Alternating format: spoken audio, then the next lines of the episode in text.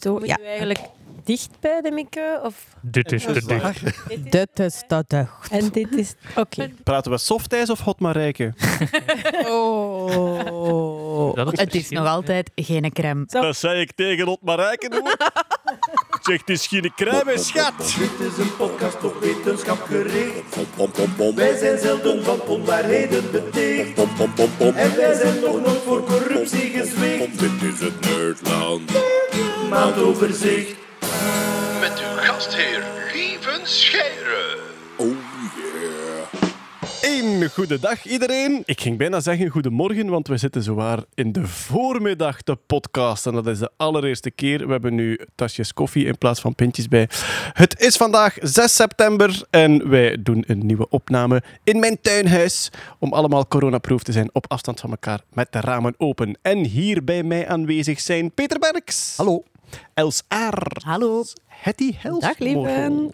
Marian Verhelst. Goedemorgen. Jeroen Baert. Goedemorgen. En Poncho de Woef, die nu schattig naar mij kijkt, maar die zoals altijd geen geluid maakt. Goed, laten we ons maar direct aan beginnen. En eens kijken wat we allemaal staan hebben. We gaan toch, ja, het is bijna traditiegetrouw, met een beetje coronanieuws beginnen. Corona.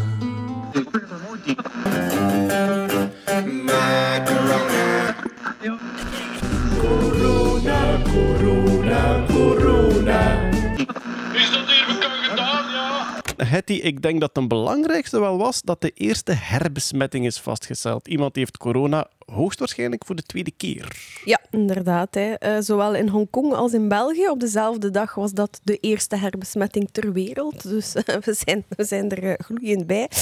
Ja, nee, hier bij ons was het een vrouw hè, die drie maanden na haar eerste infectie ja, geïnfecteerd is met een licht andere variant van het virus. Dus het is niet dat het nog in haar lichaam aanwezig was en dan een opstoot gaf of zo. Ze hebben dat genetisch vergeleken, die, die twee stammen, en die zijn lichtjes anders. Ja, dat doet dan een aantal vragen reizen. Wil dat zeggen dat als je één keer ziek geworden bent, dat, dat je lichaam niet voldoende antilichamen aanmaakt? Ehm, een mogelijke uitleg daarvoor is, die mensen hadden zeer milde symptomen gehad. Dat ze gewoon Bij de eerste keer. bij Ja. de eerste keer niet voldoende eh, antilichamen hadden aangemaakt en dat het dan mogelijk een, een herbesmetting is. Je moet het een beetje zien, hè. er zijn miljoenen besmettingen wereldwijd. Er is nu van twee geweten dat er een herbesmetting kan. Het is waarschijnlijk niet iets dat zeer frequent zal voorvallen, maar het kan wel. Een tweede vraag die dan rijst is, ja, wat zegt dat over een vaccin? Stel dat we vaccineren en goed, dat, dat werkt maar drie maanden of zo. Maar daar wordt de vergelijking vaak gemaakt met um, humaan papillomavirus, virus dat verantwoordelijk is voor baarmoederhalskanker. Als vrouw kan je ook meerdere malen herbesmet worden met datzelfde virus. En nochtans werkt het vaccin zeer, zeer goed. Oké. Dus de immuunreactie van een besmetting of een eventuele herbesmetting is nog altijd anders dan iets van een vaccin. Dus, dus die herbesmetting heeft weinig te maken of hoeft geen slecht nieuws te zijn voor een eventueel vaccin. Ik denk dat dat wel een van de belangrijkere boodschappen van dat verhaal is. Het is niet dat ze tegen die vrouw gezegd hebben: tweede, tweede keer, wat heb jij gedaan? Dat, dat, dat die gevaarlijk gedrag vertoond heeft of zo. Dat die, Van corona of van, van corona. Ah, van corona. Nee, nee. Ja, nee. Maar, maar je zegt een lichtjes andere variant. En ik meen me te herinneren, ook bij griep bijvoorbeeld, zijn er heel veel varianten. Dus elk vaccin heeft zo'n mengelmoes van verschillende varianten. Gaat dat dan ook bij die coronavaccins? Waarschijnlijk zijn dat er zo van alle verschillende versies van die stam. in. Wel, bij corona denken ze dat het niet nodig zal zijn om elk jaar opnieuw te vaccineren, omdat als er een vaccin gevonden is, dat dat breed genoeg zal zijn voor de zeer kleine aanpassingen die het virus vertoont. hè. Die, die vergelijking die nu gemaakt is tussen die eerste besmetting en die herbesmetting toont van er zijn verschillen, maar niet in die mate dat een bepaald vaccin niet op alle twee zou kunnen Ja. werken. Griep, ja, dat recombineert elk jaar in vogels en in varkens en dan wordt dan andere subtypes en, en daar moeten wij elk jaar opnieuw gevaccineerd worden. Maar goed, het is allemaal nieuw, hè. ook die vaccinontwikkeling. Ja, het zal afwachten zijn, maar ja, Maar die complexiteit van immunologie en virologie, en ja, ik wist dat het niet simpel was, maar allee, gelijk dat je nu ziet, wordt mij dat pas duidelijk Ja. hoe complex dat, dat is. Je hebt virussen die je ene keer hebt en voor de rest van je leven zijn beschermd. Je hebt vaccins die levenslang beschermen. Je hebt dan verkoudheid en griep die je elk jaar opnieuw kunt krijgen, ook omdat ze zelf muteren, dus omdat ze zelf van vorm veranderen. Je hebt ook virussen die niet van vorm veranderen, maar die je wel opnieuw kunt krijgen. En die eerste herbesmetting, ik heb een paar vrienden die corona gehad hebben en die eigenlijk redelijk gerust waren. Ja. Niet zozeer voor zichzelf, maar qua ik kan niemand anders. Ik ben geen risico meer voor anderen. Omdat wij, ja, tot nu toe konden we altijd zeggen, er is nog geen enkele herbesmetting vastgesteld. Dus toen dat ik het hoorde, dacht ik wel van ja, het is een beetje een domper. Ik geloof dat de persoon die in Hongkong, bij wie dat ze gezien hadden dat die een tweede keer het had, die had geen symptomen, die kwam gewoon terug van een risicogebied en er was onverwacht dat hij Ja, positief kwam was. terug uit Spanje, moest getest worden en testen opnieuw positief. Ja, Dus het zou kunnen dat er nog herbesmettingen geweest zijn die gewoon zonder ah ja, asymptomatisch waren. absoluut. Ja. Ja, oké. Ja. Ja, we gaan zien wat het geeft eh, in de toekomst. Nu ja, Hetty, we hebben het al gezegd. Het is misschien net eigenlijk de moment om een keer een podcast te doen over corona, maar dan niet over de actualiteit en wat er nu hier gebeurt, maar over dat algemene van welk soort virus is dat nu? Is dat een pokken? Is dat een mazelen? Is dat een griep? Is dat een verkoudheid? Is dat een SARS? Ja, SARS is het sowieso, maar dan kop 2. dus we gaan een keer proberen van... ehm, Het staat in de stijgers. ja, inderdaad. Van wat virologen en immunologen verzameld. Voor of na de derde golf gezien, maar hè, jongens. Ja, voilà. interesseert niet, hè. Ik hou mijn surfplan klaar. Ja, en vaccin, hè, ehm, om het coronablokje af te sluiten. Vaccin, eh, goh, ja, Poetin was daar opeens met uh, hoera, we zijn al klaar. Met het Sputnik 5-vaccin. Ja, Hij heeft dat genoemd naar de eerste satelliet die in een baan om de aarde in 1957 geschoten is. Ja, Is niet teruggekomen, hè. Ik vind het al een belachelijk. Gevaarlijke naam. it crash very Ja. nice. Vaccin Laika. Je bedoelt die hond dat je hebt laten sterven? Want Peter zei, we hebben het er net nog in de auto over gehad bij Peter. En hij zegt van, eh, er waren geen bijwerkingen bekend, dit en dat. Maar ik denk nu van bijwerkingen in Rusland. Waarschijnlijk is een bijwerking van een bijwerking hebben van het vaccin dat je giftige thee drinkt of zo. Allee, Plotseling verdwijnt. ja. Ja. Ja.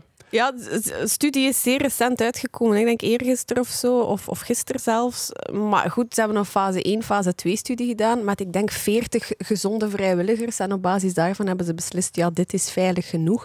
Er zijn ook Belgische vaccins die op dit moment al verder staan en beter getest zijn. Ah. Dus ja, ja, ja. Er, ja. Dus het, is- het gaat hem echt gewoon over de vlucht vooruit, politiek, internationaal imago, dat zij zeggen, wij zijn al klaar, terwijl Ja. wij minstens even ver staan. Ja, wij zijn hier- al bezig met fase 3, hè, waarin dat je echt placebo vergelijkt met vaccin. Dat hebben zij niet gedaan voor hetgeen dat zij nu aan het toedienen zijn. Ja. Maar de was- het was population vooral- is de testgroep. Het was vooral een prestigeproject. Hè? Dat Ja, tuurlijk. Ja, ja. Hoe heet dat? Testing in implementation? Of in software hebben we dat ook, hè?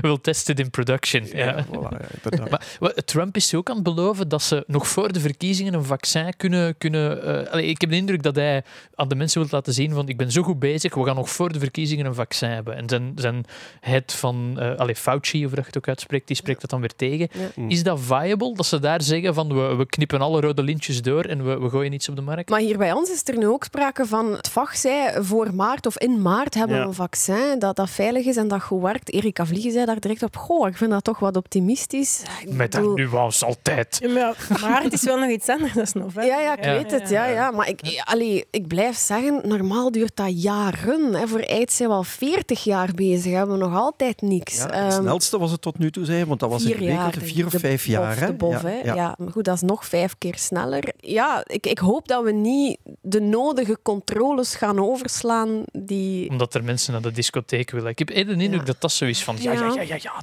Maar als wij nu allemaal over een jaar via bijwerking met een grote dikke groene neus rondlopen, maar we mogen wel terug op café, dan denk ik, zal wel wel, hè.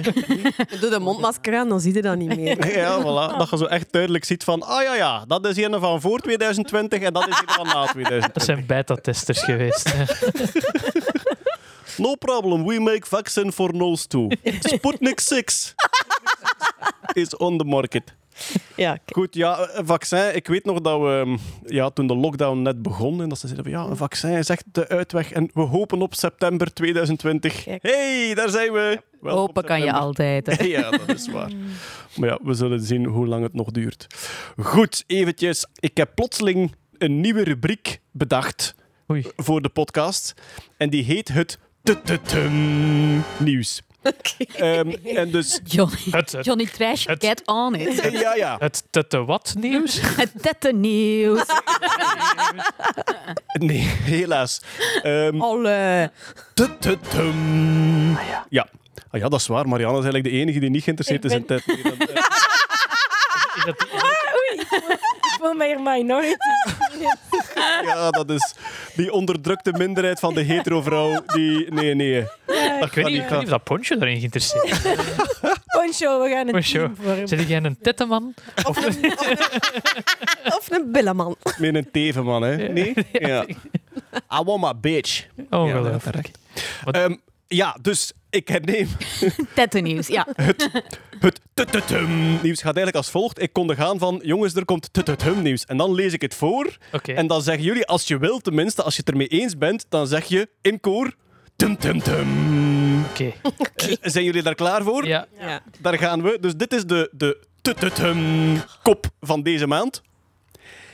1 miljoen gevangen cannibalistische mieren zijn ontsnapt uit een nucleaire Sovjetbunker. Dat, dat, is, dat is een variant op het nieuws, op elk nieuwsstory dat zo van die stijl is, kun je ook zeggen van nu even niet 1 miljoen cannibalistische mieren in een Russische Sovjetbunker.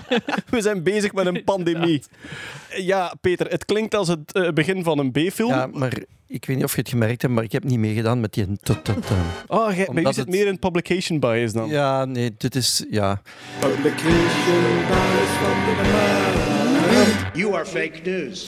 Waar het eigenlijk om gaat, is ze hebben een aantal jaren terug in een oude bunker een kolonie mieren gevonden. En dat zijn eigenlijk mieren die uit een... Ja, hoe moet ik het zeggen? Er was een bosmierennest en vlak daarbij was een bunker en daar zijn een aantal van die mieren ingevallen. Die blijven daar voortdurend invallen. En die hebben daar een subkolonie gesticht zonder een koningin. Daar zitten alleen maar werksters in. En die kunnen daar niet uit, of die konden daar niet uit. En we hebben die dus gedaan. Die zijn in leven gebleven door gewoon een deel van hun eigen nestgenoten op te eten. En daar zaten er ongeveer een miljoen in ondertussen, want die kolonie bleef maar groeien bovengronds. En daar kwamen altijd maar nieuwe mieren bij. Dus een kolonie van verdwaalde mieren? Ja, eigenlijk verdwaalde mieren. Die zijn gewoon in een gat gevallen en die zijn daar blijven... Ja, die zijn daar bij elkaar blijven zitten. En Ik 1 voel- miljoen, is dat veel of weinig? Dat is redelijk veel hoor. Pas op, eh, normaal voor zo echt een groot koepelnest, dan kunnen er daar 200.000, 300.000 in zitten. Dus dan heb je toch al een serieus. En hoe, hoe groot in de zin van past dat in een pot confituur? Hoe groot is dat? Ik denk dat dat de helft van het, eh, van het tuinhuis hier Ja, we zitten in, de, in, in Lieve zijn tuinhuis, dat een Ja. gigantische sportpaleishal is. Ja. Het is dan, ja, Ja, in een bunker, hè. in een Grote bunker, van een- ja. Maar wat blijkt nu, er zijn nu een aantal mensen die dat hebben bestudeerd en ze hebben daar eh, een paaltje in gezet en die beesten zijn daaruit gekropen. Maar meer dan dat is het niet. Maar dus, op zich was het vrij frappant dat die zichzelf bleven organiseren. Ja, dat was het enige- hoe zal ik zeggen, entomologisch interessant in is, die zaten daar dus al een aantal jaren in. En die hebben zichzelf in leven gehouden door gewoon hun nestgenoten op te eten. Maar komen die alle 1 miljoen uit hetzelfde nest? Want anders vechten die toch? Ja, die komen, die komen uit hetzelfde nest. Al 1 miljoen verdwaalden van dezelfde Ja, maar stam? goed, je hebt een bovengronds nest waar voortdurend nieuwe mieren worden bijgemaakt. Dat is en echt. vallen er altijd een deel in. En die werksters die leven een paar jaar. Dus Ah, ja. je hebt, je hebt- En dat is de Hunger Games live. Ja, zoiets. Je zit beneden, Ja. dat wacht tot er iemand uit het gat valt Ja. en die aan te vallen, die op te eten. Ja. Allee. Ja, daar en komt het op neer. het is ook een beetje alive, hè? de film met de, zo, de mieren alive. Geval in een nucleaire Ja. bunker, je kunt niet anders dan elkaar Zijn opnemen. pootje is gebroken, we pakken een die. One day, Piotr, scientist will put plank here. We Ja, maar Ik moet ook een beetje denken aan lemmingen, dat die mieren boven niet zoiets hadden. We verliezen veel volk aan het gat, jongens. Kunnen we niet... kunnen we, we zijn een kolonne mieren, we zijn wel wat werkmensen. Kunnen we, kunnen we niks aan het gat doen? ja, Brugske, maken. gelijk lemmings, ja, een brugske, Ja. maar- Maar ja, meer dan dat is het niet. Maar nu zijn ze terug vrij. En dat stond ook in het artikel. Die zijn na al die jaren gewoon terug het nest binnengewandeld en Ja. hebben hun dagelijkse taken terug opgenomen. Het is niet dat die daar begonnen eten van, van hun vriendjes. Ah, wel, Nee, Marcel, nee. jij bent precies drie jaar weg geweest. En terug. We gaan maar al naar afwas. Congé gehad. Opremmen. Ja. Je snapt het niet, er was een gat. Maar, dus, maar het was een nucleaire bunker ook. Hè? Dus het Ja. zou kunnen als ze eruit kwamen met zeven poten of zo, of met lichtgevende oogjes. Nee, het was een nucleaire schuilbunker, denk ik. Ah, dus ze zaten super veilig. Dus die, hebben, die zijn minder nucleair geworden dan... Ja, voilà. Dat was eigenlijk een secte van mieren die de, het einde van de wereld voorspelde. Ja. Zijn op een gegeven moment met z'n allen in dat gat gesprongen. Gewoon Doomsday. één goeroe-mier achterna. Wij gaan hier zitten tot 2020. Ja. Totdat die Tot als de corona voorbij is. Geen god, geen koningen, er is enkel het gat. Gat, gat. En dan kwam er ineens een staaf uit de hemel waarlangs dat ze terug omhoog Ja. zijn gekropen. Ik denk dat we onze B-film al hebben, ja. Ja, ja. Inderdaad. Een Pixar-animatie over mierenconspiracy. Een hele donkere A Bug's Life. Het is geen rondtrekkend circus van mieren. Het is een doodscultus in een gat. We gaan eh, verder hè, naar het volgende nieuws. En er zijn overlijdens te melden deze maand. Bijvoorbeeld de uitvinder van de Pixel. Ta, ta, ta. Ah, dat is die nu weer zo. De Dat pixel is dood. Dat is voorbij. Ah, ja. De uitvinder van de Pixel is overleden op 91-jarige leeftijd. En mijn eerste idee was toch, is de Pixel ooit uitgevonden? Ja, ik moest het ook twee keer lezen wat ze ermee bedoelen, maar het gaat over Russell Kirsch, of Kirsch, ik weet niet hoe je het uitspreekt. Wat hij eigenlijk gedaan heeft, is in 1957 de eerste foto gedigitaliseerd. Dus hij heeft een analoge foto genomen, hij heeft daar met licht op geschenen en eigenlijk met fotodetectoren de reflecties opgevangen. En daardoor kon hij eigenlijk digitaal dan opnemen waar er wit en zwart in de foto was. En dat heeft hij dan opgeslagen. En dat is dus eigenlijk een digitale versie van die analoge foto. en, en dat zijn dus eigenlijk allemaal pixels dat je opslaagt. Want pixel is gewoon een vierkantje dat een kleur of wit of zwart is. En, en waarvan je, dat je de intensiteit opslaagt in bits. En die foto was dus in eigenlijk hokjes van 157 op 157 pixels opgeslagen. En dat is eigenlijk de eerste keer dat dat gebeurt. En daarom noemen we die daar de uitvinder van. Ja, want er stond dan ook eh, bij dat er eigenlijk nog even twijfel was. Moeten we daar wel vierkantjes van maken? Ja, dus hij heeft eigenlijk bepaald dat als hij zo'n reflectie binnenpakte, dat dat dan de grijswaarde was van een vierkantig stukje van die foto. Maar hij had dat ook in zes hoekjes kunnen indelen, of drie hoekjes, of eender welke vorm, en dat zo opslagen. En hij heeft er eigenlijk niet over nagedacht. Hij zei, ja, ik had een vierkant gepakt omdat ik toen een vierkant logisch vond. Achteraf gezien zijn mensen soms... Er zijn ook experimenten geweest met zeshoeken enzovoort, maar dit is nu gewoon de conventie. En als je heel hard inzoomt op een digitale foto, zal je nog altijd zien dat eigenlijk dat bestaat uit heel, heel veel hele kleine vierkantjes en elk vierkantje heeft één egale kleur. Ja, wel, maar eh, die man gaat er, ging er toch licht over van... Ik, ik heb er niet mee nagedacht, ik heb voor vierkantjes gekozen. Hij heeft daarmee wel een groot deel van mijn seksleven als tiener bepaald. Hij had liever, liever zeshoekige blokjes. maar ja, we hebben het hier over de tijd dat een tepel nog twee pixels was. Hè. Dus, eh. Hij was een, een computerwetenschapper. Hij werkte bij de American Bureau of Standards. Dus ik denk dat hij een ambtenaar was. Ik denk eigenlijk, ik weet niet of het een hobbyproject was of iets voor zijn werk, maar het was eigenlijk gewoon een foto van zijn baby die drie jaar oud was. En hij wou die eens digitaliseren. Met een aantal vrienden had hij zo'n opstelling gemaakt om die reflecties op te Hij vangen. wou die digitaliseren. Tot hij zich besefte van... Digitaliseren, wat is dat eigenlijk? We gebruiken dat hier de hele tijd, maar iemand gaat dat wel moeten uitvinden. Hè? Dat is een foto van 5 op Ja. 5 centimeter. Het deed me denken, want ik dacht eerst van in veel image recognition dingen wordt die foto van Lena gebruikt. Ik dacht, in mijn kop was dat de eerste foto die ooit Ah, gedigitaliseerd was, maar dat is niet. Dat is een, een Playboy uit de jaren 70. En ja, wetenschappers hadden snel een foto nodig met veel kleurcontrasten om algoritmes op uit te testen. En de Playboy die lag daar. De Playboy die lag daar toevallig in de dingen. Dus ze, ze trekken die pagina's van elkaar eh, waar, dat, waar dat ging. En ze hebben er wel een geklede foto van ja, een vrouw Vooral een met een, gezicht, hè? ja, een gezicht. Een, eh, een vrouw met een, eh, een, denk een soort van zonnehoed op en een soort van kleurrijke dingen. Ik denk niet dat ze daaronder naakt was. Het was nog een van de bravere foto's. Maar die wordt Je sindsdien... bent onder je kleren altijd naakt, hè? Ja, dat was een- ik ben zeer gereserveerd. Eh, ze hebben die sindsdien altijd uitgenodigd op conferenties, die Lena. Al zijn ze daar sinds kort van afgestapt, omdat het misschien toch een beetje seksistisch is om als de referentiefoto binnen computer graphics en computer, allee, image recognition voor dat, dat Playboy-model te gaan. Dus nu is het een andere foto. Oké. Ja, ik denk dat vele mensen die de analoge fotografie niet meer meegemaakt hebben, dat nooit echt gezien hebben aan een analoge foto, is niet opgedeeld in kottekes. Dat is gewoon chemische korrels. Wat hadden vroeger zo ISO-waarde zeker? Dat was Ja, ja, hoeveel... ja. Ik heb nog les gegeven in analoge fotografie. Allee! Ja, en dat is gewoon... Dat was al natuurlijk in digitale tijden, want wij gaven ook digitale fotografie. Maar gewoon zo het feit dat je een negatief hebt en dat je dat kunt opblazen tot de grootte van een gevel van een huis, zonder dat dat verliest aan Ja, kwaliteit. ja, ja. Mensen je kunt je dat niet meer voorstellen, hè? En dat is dan gewoon eigenlijk, ja, in plaats van dat al die vierkantjes daar een beetje gerangschikt opgezet worden, is dat gewoon een film van chemicaliën Ja, die dan meer korreltjes minder vormen. licht hebben gevangen. hè. Ja, inderdaad. Ja. Ja. Dus een veel, eh, veel fijnere resolutie. Maar dus, kijk, de uitvinder van de pixel. Mijn doctoraat ging, ging een stap verder dan pixels. Dat waren voxels. Dat zijn pixels niet in een 2D-raster, maar in een 3D-raster. En je kunt er niet alleen kleur in opslagen, maar alles. Dat is echt grens, echt geniaal. Nee, dus, dus. Daar zit nog extra informatie je kunt daar in principe... Ja, het is een beetje het principe van we gaan alles in 3D opslaan in een groot driedimensionale tabel en we kunnen daar Ja, Erik Verlinde denkt dat ons universum zo gebouwd is. Of dat ook al. Als zijnde, ja, eigenlijk in de natuurkunde zouden kunnen zeggen, elk elementair deeltje is een positie in de ruimte Ja, ja. met een paar getalletjes, hè. Eh, elektrische waarde, eh, spin, eh, al dat Eerder een soort van puntenwolk dan, want die zitten niet allemaal op dezelfde afstand. Die, Nee, voor zover we weten niet. Tenzij de plankafstand dan de pixel, de pixel van de realiteit is. Maar dat zijn we nog niet zeker. Eh, de dead pixel, dat is zo...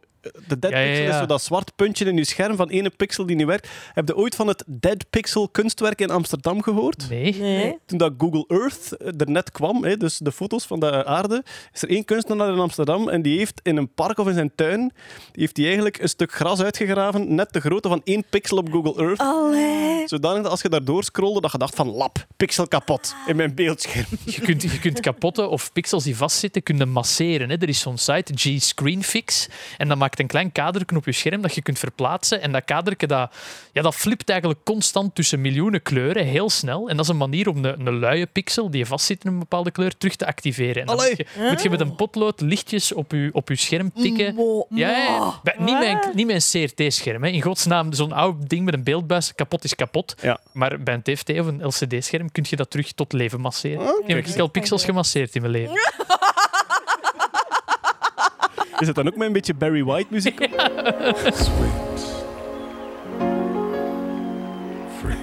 Of nee, een beetje You Enya, got it together, baby.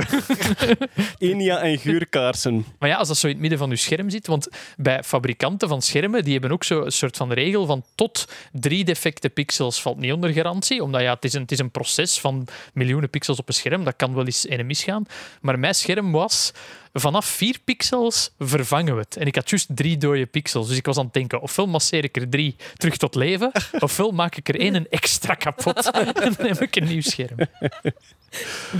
Het volgende nieuwsje. Ja, ik was wel redelijk onder de indruk.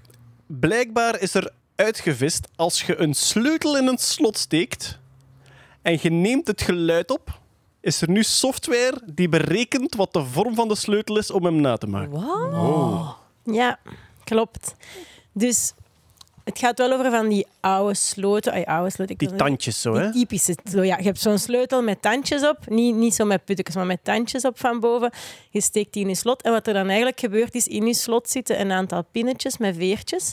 En die veertjes zijn harder of minder hard aangespannen. En als die dus net de juiste hoogte zijn aangespannen, dat dat overeenkomt met je sleutel, dan gaat je slot open. Zo hebben die onderzoekers gedaan. Het is van de University of Singapore. Als je sleutel in dat slot steekt, dan gaan eigenlijk die pinnetjes op je sleutel tikken. Als die ja, over zo'n bultje gaan elke keer. En hoe hard dat, dat tikt, dat heeft te maken met hoe hard die veertjes zijn aangespannen. Als mens is dat moeilijk om al die verbanden te zoeken, maar die hebben natuurlijk weer artificial intelligence gebruikt om naar dat geluid te luisteren als je sleutel in het slot steekt. En aan dat geluid daar hebben ze dan een netwerk op getraind om daaruit weer de sleutelvorm te halen. Allee. En dan maken ze dus blijkbaar normaal... in Dit vind ik... Da, da, da. Er is niets nucleair aan. Als je normaal een sleutel hebt met zes pinnetjes, een typische sleutel, dan heb je ongeveer 300.000 combinaties van sleutels die zouden kunnen bestaan. Dat netwerk kan zeggen het is één van deze drie. Dus die kan dat eigenlijk, die 300.000 tot aan drie combinaties terugbrengen. Die kunnen dan alle drie maken en dat slot open doen. Hoe gedetailleerd moet je dat opnemen? Ik bedoel, is het nu bruikbaar door inbrekers die in een relatief oud huis willen inbreken? Of Voilà. moeten die met zeer Goeie professionele vraag. apparatuur... Blijkbaar moet je wel binnen minder dan een meter van het slot een microfoontje kunnen zetten. En je kunt zeggen, "Ja, maar niemand is binnen mijn een meter van mij als ik mijn sleutel insteek. Maar wat als dat nu in een slechte app in mijn gsm zit? De gsm zit in ja. je zak. Aan een app, ja. Ik woon aan een druk kruispunt. Er staat constant iemand voor mijn deur te bedelen. Die staat echt wel op een meter van Ja. mij. Allee, als die dat gewoon... Of bijvoorbeeld, iemand zei ook, ja, maar je kunt ook, je hebt van die digitale deurbellen, daar kun je gemakkelijk iets mee foefelen of een microfoontje insteken of zo. Dus wat is de oplossing? Als je je deur open doet, heel luid zingen. Elke keer, Mamma mia, mamma mia, mamma mia, let me go. Voilà, voilà. Ofwel mocht je ook zo met je sleutel... Of zo'n contraptie van veren meepakken om dat, of dat systeem in de war te brengen. Van pling, plong, poink. Ja. Maar ik zit te denken, inderdaad, een draagbaar microfoontje dat je ergens in een hoek op een deur kleeft, moet goed te doen zijn. Alleen moet ik wel zeggen, als we het hebben over dat soort sleutels, hè, zo met een, een, is dat een baard? Nee. Ja, ja, sleutels met zo'n baard. Ja, zo die echte klas. Eén stapje verder dan de oude sleutel met een staafje en dan zo een eh rechthoekje dat eruit steekt. Maar die met zo al die tandjes. Nu moet ik zeggen, een professionele inbreker heeft echt niet zoveel moeite om dat soort slot open te krijgen. Dus Nee, nee. We hebben een keer een, een lockpicking eh, Ja, ja, ja. dingen gedaan. Hè. Dat is, oké, voor ons is dat niet te doen, maar iemand die daar een klein beetje verstand van heeft, allee, die heeft geen AI nodig, die hoort dat ook gewoon en die voelt dat. Dat is zo tjok, tjok, tjok, hup, open. Nee, maar voor mij geeft het aan, dit kan nu met dit soort sleutels. Ja. Allee, het kan binnenkort waarschijnlijk met de, met de puntjessleutels ook. Het is een beetje de vraag, hoeveel informatie geeft je prijs met wat dat ze vaak nevenkanalen noemen. Uiteindelijk is het geluid is een soort van neveneffect van wat je aan het doen bent. Een soortgelijk onderzoek, maar dat is al van vele jaren terug, vond ik. Ze hebben ooit mensen hun paswoorden kunnen achterhalen door een microfoontje bij een keyboard te zetten. Dat is een Omdat- project in ik ingenieur. Ja, voilà. Vroeger was dat Allee. aan de hand van, als je de precieze locatie van een microfoon weet en je weet hoe ver dat, dat toetsenbord daarvan afstaat, ja, elke toets staat op ja. een precieze afstand van die microfoon en door dat, dat geluid te ontleden kun je met relatieve... Allee, het was nog met een 90 of of 95 procent zekerheid dat het juist was. Eh, Ja, je brengt het eigenlijk terug tot minder combinaties. Daar Ja. komt het altijd op neer, maar zo weinig combinaties dat je ze kunt testen. Zoals Ja. hier die drie sleutels of 500 paswoorden. Ze hebben hetzelfde gedaan met de tilt van je telefoon. Hè. Dus als, Ah, je, ja. als een app erin slaagt om de tiltsensor van je telefoon actief te houden, te kunnen uitlezen terwijl dat je je code intikt, Ah, ja. dan kunnen ze eigenlijk voelen aan de Ah, tiltsensor waar dat je klikt. Wat ik een beetje aan denk nu is, oké, elke sleutel maakt een uniek patroon qua geluid. hè. Dat zijn dan die nevenkanalen dat je net zegt. ja. Is dat niet een beetje, ja, zit dat niet een beetje in die grote revolutie van AI, dat elk patroon dat één op één gelinkt is aan iets, eigenlijk ontcijferbaar wordt? Ja, wat AI eigenlijk doet, is correlaties zoeken. En dit is gewoon het voorbeeld van een correlatie. Geluid is gecorreleerd met uw sleutel in dit geval. En, en die correlatie, of dat, die functie, eh, dus eigenlijk één ding is mijn functie gelinkt aan iets anders. Ja. Die functie is voor ons moeilijk te zoeken, maar AI is gewoon goed in functies zoeken. Een, een relatie tussen een ingang en een uitgang zoeken. Ja. Maar dan hebben we het ook binnenkort ook dat je, als je aan een bankautomaat staat of zo en je drukt je code in, ja, dat je inderdaad aan, aan een micro of zo genoeg hebt om dat... Goed, maar ja, dat, dat gaat dan over, over dat soort dingen. De, de volgende fase is een beetje richting Minority Report. Hè, dat je op basis van menselijke gedragingen of, of voorgeschiedenis eigenlijk gedrag in de toekomst gaat voorspellen. Qua koopgedrag zien we dat nu al. Hè. Dat is wat al die algoritmes doen, die, die je constant bestoken. Maar ja, ik, ik vraag me soms af of dat, of dat AI ook onze psycholoog wordt. Hè. In Amerika is er een sheriff die daarmee begonnen. Ik heb dat gisteren op Twitter gezien, maar ik heb het niet helemaal gelezen. Maar misschien... Met preventief arresteren. Ja, ja dus die, die van, van zwarte mensen dan. met AI een soort... Een Ja, soort dat is allemaal AI hoor. Maar wat het belangrijk is, AI kan alleen deterministische relaties leren. Dus het, het moet één op één gelinkt zijn. Dat geluid is altijd hetzelfde voor dezelfde sleutel. Ik denk, ah, ik hoop met menselijke gedraging enzovoort dat er nog heel veel Ruis op toeval en, en, en ruis en onverwacht. Ah ja, Ja, maar dan kan je ook een soort percentage geven. dat kan zeker. Ja. Maar dat gebeurt eigenlijk al. Hè. AI in Amerika wordt gebruikt, eh, en zelfs hier denk ik, voor verzekeringspolissen te berekenen en zo, omdat ze heel goed statistisch kunnen zien, dit patroon, hoeveel kans heeft dit, dat, dat, dat gaat gebeuren. Ja, ja, ja. Nog een AI-nieuwsje. DARPA in de Verenigde Staten, de onderzoekstak van het leger, die dachten, weet je wat, we gaan eens een toernooi organiseren voor AI-systemen die met F-16's vechten. Of F-35's, ik weet het niet precies. Maar dus die dachten, we gaan een AI-systeem... Ja, je hebt daar grote simulatoren van natuurlijk, van die gevechtsvliegtuigen om piloten te trainen. We gaan nu eens een AI-systeem laten zelf uitzoeken hoe die vecht met een fighterjet. Verschillende teams tegen elkaar. En dan gaan we een toernooi houden van AI-systemen om te zien wie er het beste vecht met een digital twin van een fighterjet. Alweer het begin van een B-film, Ja. denk ik. DARPA heeft zowel die geschiedenis van wedstrijden organiseren waar dan ja, innovatie uitkomt. Eh, zelfrijdende auto is begonnen met een DARPA Challenge. Een Robotics Challenge hebben ze een paar jaar terug gedaan. En nu dus die AI voor fighter pilots. En het winnende AI-systeem mocht dan vliegen tegen een menselijke piloot. Dus een van de toppiloten van het leger. Naam van de film, topgun.exe. Top Gun zonder Tom Cruise. De betere film. Het AI-systeem heeft de mens eigenlijk ingemaakt op elke mogelijke manier. Oh nee. Dus het was 7-0 of zo. Maar het waren echt dogfights. Hè. Dus dogfights zijn zo die vliegtuigen die in de lucht gaan en dan proberen van elkaar in het vizier te krijgen door heel kort te draaien enzovoort. En dus dat AI-systeem Ja. vindt dan weer nieuwe vluchtpatronen, waardoor dat je eerder in iemand zijn staart terechtkomt dan, dan de mens. Dus ja, kijk. Ze gaan het nog niet implementeren in de echte vliegtuigen. De vraag is, hoe lang gaat dat nog duren? Ja. Natuurlijk. Hetty, we hebben het hier al een paar keer gehad over het probleem dat Excel sommige namen van genen, denk ik dan, Ja. interpreteert als een datum. Waardoor dat als je ze intikt, dat dat veld verandert en dat eigenlijk heel uw Excel-sheet naar de bom is. Er is een oplossing. Helaas is het niet Microsoft die gezwicht zijn. Nee, inderdaad. Ja, het probleem is inderdaad, goh, in het menselijk lichaam alleen al heb je tienduizenden genen. Die hebben allemaal een naam en een symbool.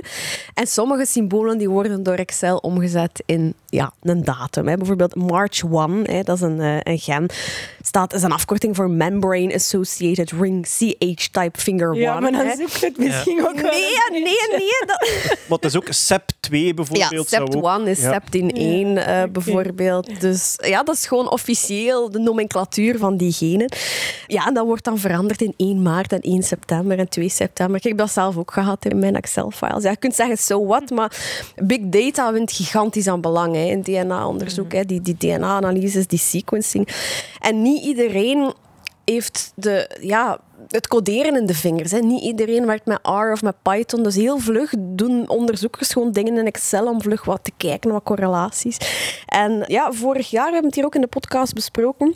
Ongeveer een vijfde van de, de onderzochte studies in zo'n meta-analyse die bevat toch fouten daardoor. Niet dat de, de hoofdconclusie van dat verhaal dan, dan helemaal in het water valt, maar goed, we weten allemaal, wetenschap dat bouwt soms verder op de kleine verhaaltjes in, vorige artikels. Dus goed, als daar onjuistheden in zitten, is dat misschien toch wel problematisch. En eh, ja, de Hogere Raad voor de Gennomenclatuur heeft nu het afgelopen jaar 27 symbolen van genen veranderd om dus dat probleem op te lossen. Dus Septin 1 is niet meer Sept 1, maar nu echt Septin 1, dus dan gaat het dat niet meer hebben. March 1 is March F1 geworden. Dus ehm, ze hebben het aangepast. Ze hebben vroeger al aanpassingen gedaan daaraan. Bijvoorbeeld eh, woorden die, die eruit gehaald zijn. Cars en Wars en Mars, dat stond daarin. Dat wilden ze ook niet. Daar hebben ze Cars 1, Mars 1 van gemaakt. Allee, gewoon. Maar ook meer en meer allee, zijn patiënten gevoelig voor hoe een gen heet. Omdat als je moet zeggen aan iemand, ja, jij hebt een mutatie in het Sonic Hedgehog gen, dat bestaat, dat mensen soms rare... Ja, wel. Kerkhoff.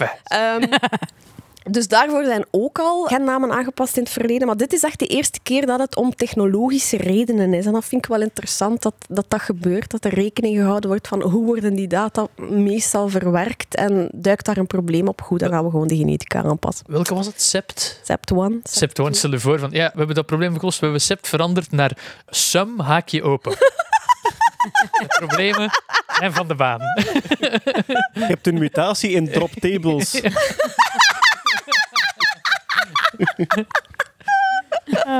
Nu, wat ik me wel afvraag, creëren ze geen extra problemen door nu een naam te veranderen? Omdat je dan, als je teruggaat naar het vorige onderzoek, met andere... Ja, maar dat gebeurt heel, heel vaak. Hè. Als, je, als je in de, de lijsten van gennamen kijkt, er zijn, zijn vaak tientallen alternatieve namen veranderen voortdurend. Dus er zijn ook updates van en zo. En, en, Place all. Hè. ja, voilà. Maar ja, eh, Er was, toch, er was toch zo'n cartoon over ook, zo'n Venn-diagram van het Venn-diagram met dan incels, mensen die dat, ehm, laten we zeggen, relationeel een beetje moeilijk, moeilijk hebben. En eh, in het midden van het Venn-diagram was Excel en dan incels en dan in het midden was incorrectly assuming something is a date. Zeer goed. Ja, scherp. Scherp. Nog iets wat AI ons eh, geschonken heeft, is de stem van David Attenborough. Namelijk, je kunt gewoon teksten aan een AI-systeem geven en dan leest hij het voor als Attenborough. Ik vind het vrij indrukwekkend, omdat niet alleen het stemtimbre en de intonatie, maar ook de pauzes De zitten goed. pauzes zitten supergoed. Ja, dus Stel het- voor dat we er hier even eentje gaan tussensteken. Eh, heel graag, hè? ja. Eh, waar we nu naar luisteren is, ik denk, een Reddit. Ja, de teksten dat hij laat voorlezen door Fake Attenborough komen uit een subreddit waarin dat mensen anoniem vragen stellen over relaties. Oh. Maar dat, daar, daar zitten echt de zotste dingen. Zo van, mijn, mijn, mijn, eh, mijn vriend die verzamelt al zijn kak in emmers onder ons bed. Hoe pak ik dit het best aan? Maar echt van dat soort Mijn, verhalen. ad- mijn advies is aan, aan het handvat. Maar echt zo van... Het, het, vaak wordt er ook al gedacht van, oké, die verhalen daar zijn verzonnen. Het is een beetje Ja, maar het is r slash relationship advice. Als je snel namiddag kwijt wilt zijn, dat is hilarisch. Dus dit is een AI-systeem getraind op de stem van David Attenborough die gewoon geschreven teksten voorleest. I never have to see John again in my entire life. David and I broke up. I moved away and cut off contact with everyone. Also, turns out I'm gay. Dat is typisch, dat is typisch r slash relationship advice. ja, oké. En zo goed. Maar zijn pauzes zijn fantastisch. Ja. ja. We never have to see each other again in life. maar ik begin nu wel te denken, wat wil ik allemaal laten voorlezen? Maar je ziet daar direct beelden bij. Ik zie dat echt volledig. Gewoon omdat hij dat vertelt. Ik denk dat net het contrast gekozen is met die idiote rubriek om, om hem echt ja, over kleine dingen des levens te laten babbelen. ja, ja, ja, ja. En kun je zelf ook tekstjes ingeven? Of? Nee, het is nog momenteel geen interactief systeem, want hij moet even het genereren, het synthese van de tekst duurt ook een tijd. Hm. Eh, dus het is geen live. Het zou tof zijn om hem, om hem handleidingen te laten voorlezen. Echt? If the red light blinks too often, you have to turn off power. If you find de wooden stukjes van de Ikea. Of wat dat... Oh, ja, oeh. Ik heb opeens een soort makerprojectje in mijn hoofd. Stel nu dat je jezelf laat filmen met een camera die door beeldherkenning en gedragsherkenning in tekst kan omzetten wat je aan het doen bent. En dat laten in je huis met grote microfoons vertellen door Attenborough. Steven has just woken up and is walking to the coffee machine. Will he use milk and sugar today? Unaware that the coffee pots are uh, not available at the moment. Poncho is hier ondertussen een gat aan het graven. Ja. Maar echt? Ja. Ja, hij is een gaatje met zijn nageltjes een gaatje aan het graven in het kussen. Nu ja, daar liggen ook wel wat dode katten in, denk ik. Dus misschien, eh, misschien is hij die aan het zoeken. We hebben nog een sterfgeval te betreuren. Francis Allen is overleden op 88-jarige leeftijd. Who helped hardware understand software? Dan kijk ik naar Jeroen en Marian. Wat heeft zij precies gedaan? Ja, Francis Allen die, ehm, is eigenlijk een van de uitvinders van de compiler. En ja, de compiler is misschien ook een abstract begrip. Het komt er eigenlijk op neer als je nu software schrijft voor een computer, dan moet je eigenlijk niet aantrekken wat voor een computer dat, dat is. En daarmee wil ik zeggen, welke processor zit daarin? Hoeveel bits gebruikt die? En, en hoe soort geheugen heeft die? En je schrijft gewoon A plus B en het resultaat maal C enzovoort enzovoort. En iets vertaalt dat voor u naar nulletjes en eentjes dat de computer begrijpt. Machinecode. Machinecode. Dat was vroeger niet zo. Als ze in de tijd van Francis Allen, zij werkte in de jaren 60 bij IBM, een processor moesten programmeren, dan moesten ze echt denken, oh, ik moet A plus B doen en dan maal C. Dus haal A uit het geheugen op locatie 4068, dat is dan 0100 enzovoort. Dan haal B uit het geheugen op locatie 7032, 001 en tel die twee op.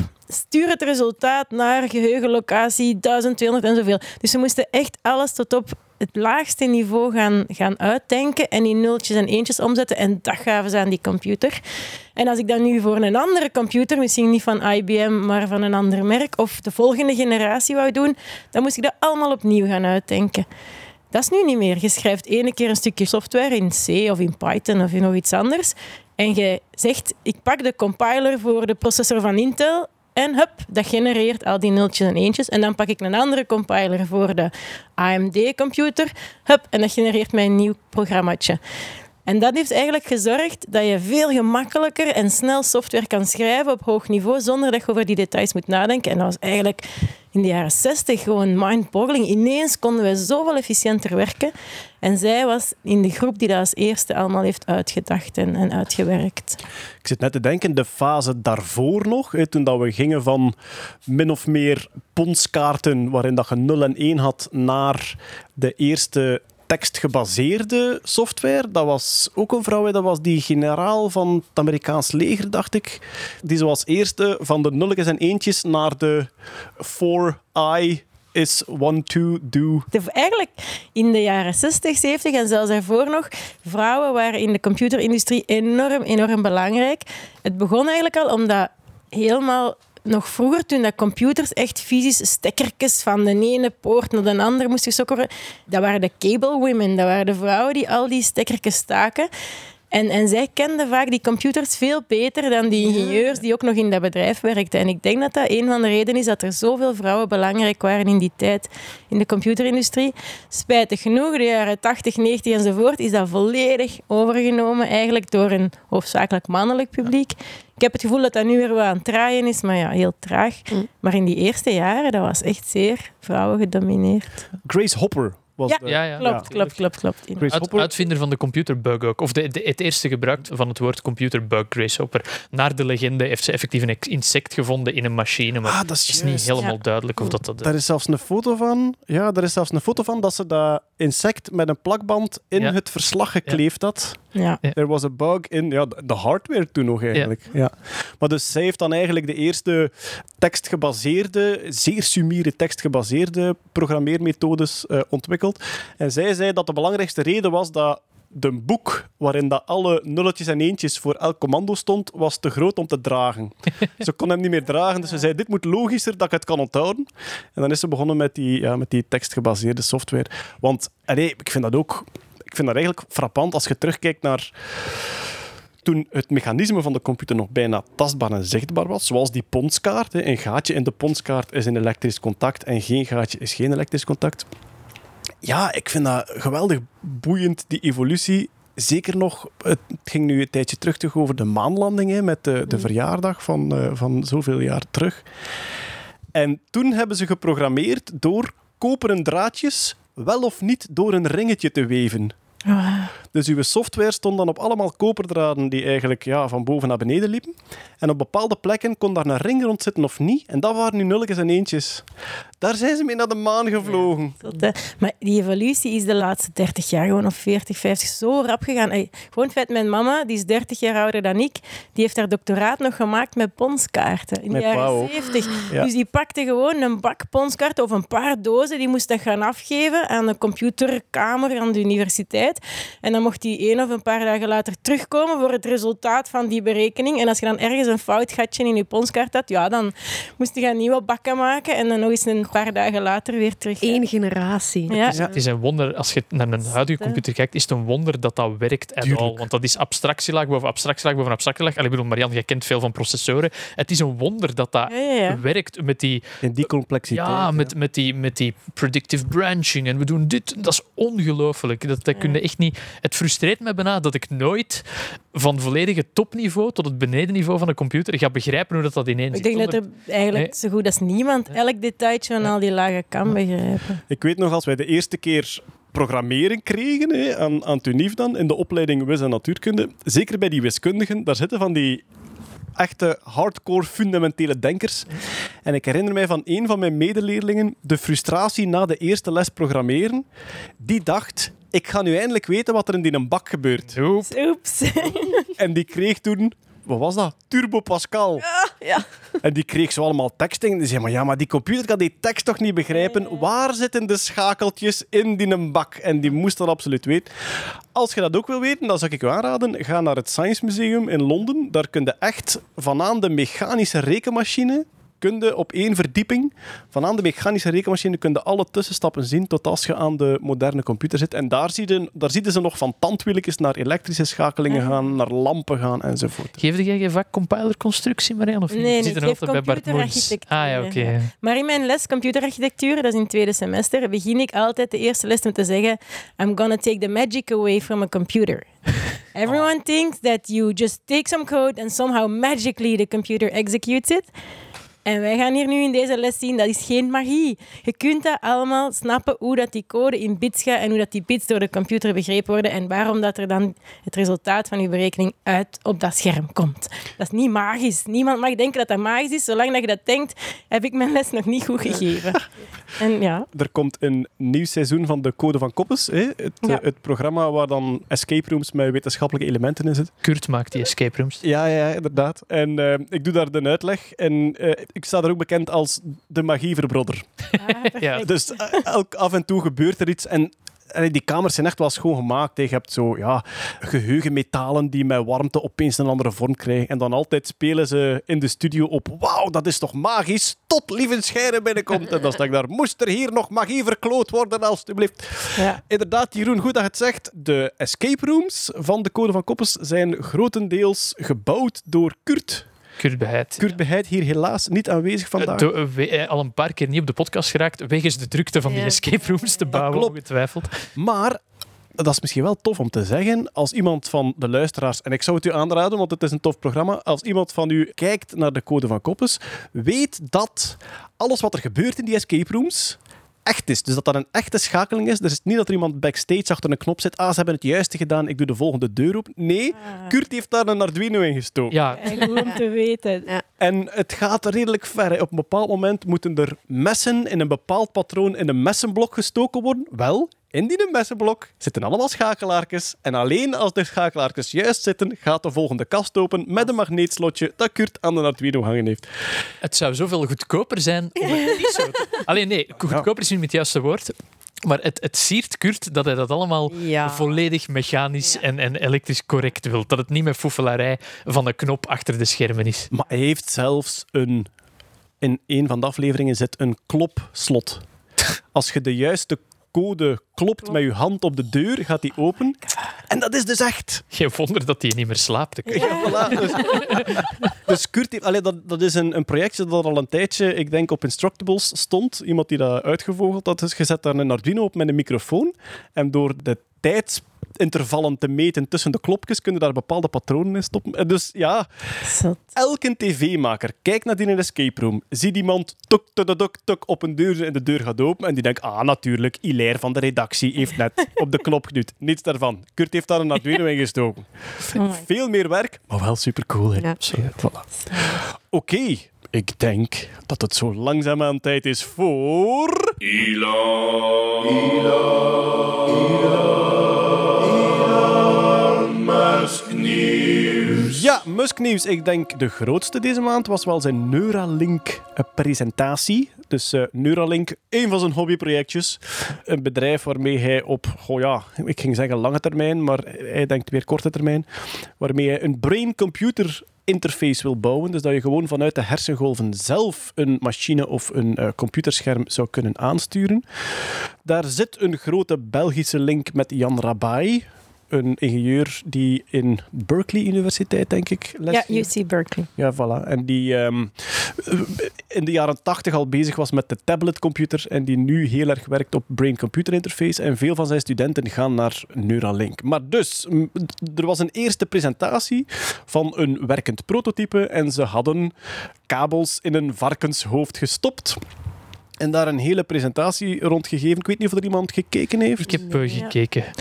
Het was gewoon zeer grappig om Elon Musk een varken te zien lokken. Omdat, ja, uiteraard, dat varken had duidelijk tijdens de generale repetitie wel gedaan wat dat moest doen. En nu was, ze wilden bewijzen dat de link werkte door, ze hadden 1024 kanalen, die werden weergegeven op een scherm.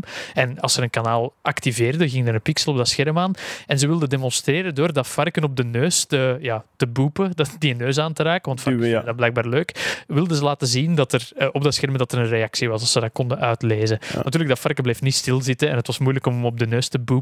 Ja. Maar hij heeft dan achteraf de generale repetitie getoond en daar werkte het wel. Ja, ik heb het gezien. Het was allemaal heel blitz, heel, heel musk. Ja, ik, vind, ik kan misschien is niet de juiste persoon om, om, om te vragen, maar het was heel musky. Ik heb live zitten kijken en eh, mijn idee was toch... Wat zitten daar nu met allemaal mensen in een refter? Ja, Met, ik vond de omkadering bij, moment, ja, bij momenten zo wat amateuristisch overkomen. Zo. ja. We zijn nu een beetje Musk zo wat down to earth proberen. Ja, waarschijnlijk wel. Hij voerde zelf het woord en helaas is dat niet altijd het beste Nee, idee, want nee. Niet de meest begenadigde spontane Spreker. ja, veel gehakkel en veel uitjes enzovoort. Maar technologisch gezien was het wel een demo. Een, ja, het was maar een demo, zou ik inderdaad zeggen. Ik vond vooral de grootheid waarmee het op voorhand was aangekondigd. We'll show a live Ja. Neuralink device, something you've never seen. En dan wat het uiteindelijk, de demo die er was, was eigenlijk niet iets dat in de onderzoekskringen nog niet gedaan is. Dat, dit is allemaal al gedaan.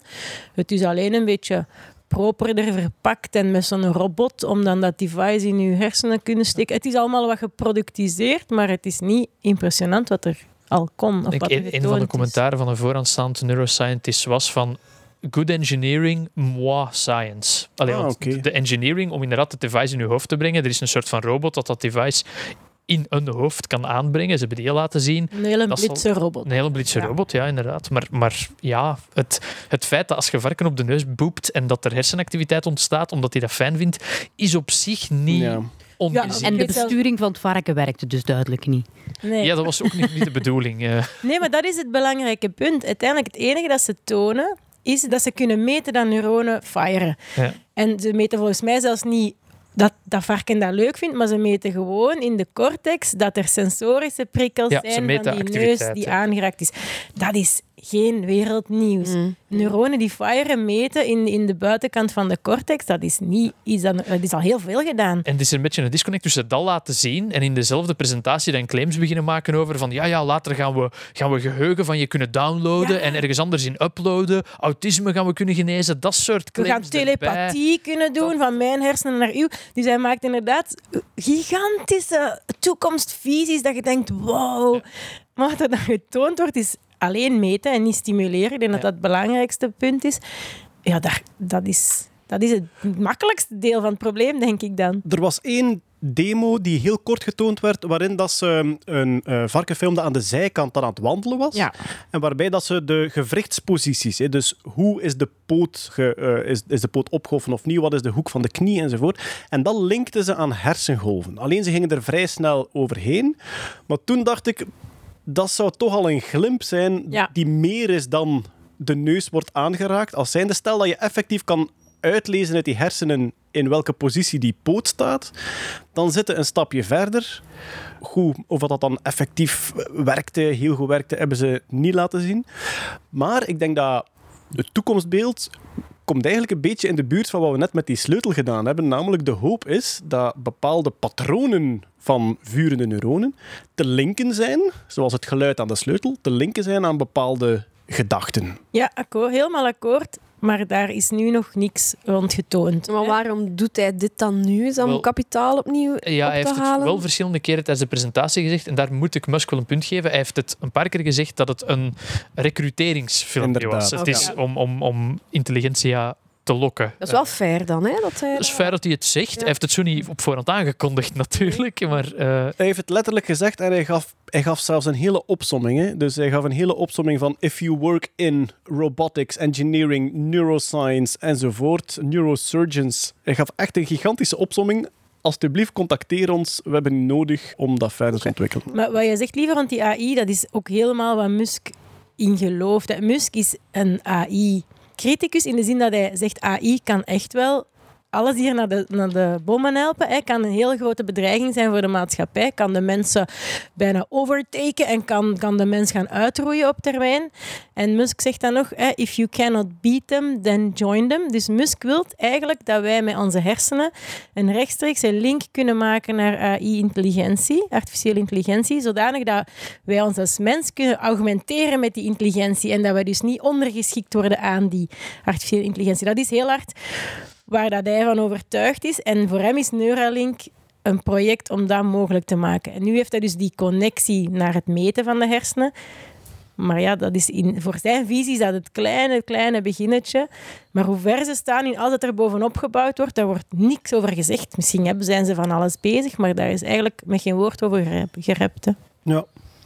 Er was een eh, Twitter-relletje onmiddellijk daarna. Tegen de academici. Is het waar? ja. Ja. En hoe, hoe, hoe kwam het? Er is een aantal proffen van eh, Engeland of Southampton die hebben eigenlijk hadden die zo'n beetje gezegd, hè, not impressed. Eh, De prof in Newcastle had gezegd, wat dat we daar gezien hebben, dat is science van eh, de jaren stilletjes. Kan kunnen wel lang. En Musk had daarop gereageerd hè, van It's unfortunately common for many in academia to overweigh the value of ideas and underweigh bringing them to fruition. Oeh. En daar hebben ik weet niet veel mensen op gereageerd. Ja, Musk die doet tenminste niets. En al die academici die daar met hun ideeën, daar komt nooit iets uit. Enzovoort, enzovoort. Dan heeft die prof wel geantwoord. Ja, eh, iets van het spijt me. Het is inderdaad niet altijd gemakkelijk om het aan te bouwen. Maar eh, Ja, de speelplaats, de speelplaatsdiscussies, ik kan daar soms van versteld staan. eh, ja, Ja, hoe, hoe snel dat het allemaal gaat. We gaan eens kijken bij de rest van het Musk-nieuws. Er is een speedtest geweest voor de Starlink. De Starlink, het ehm, internet via satellietnetwerk. Was die goed of slecht, Marianne? Mensen waren geen onder de indruk. Die kon tussen de 11 en de 60 megabit per seconde downloadsnelheden. Dus als ik met mijn laptop via die satelliet dingen wil downloaden.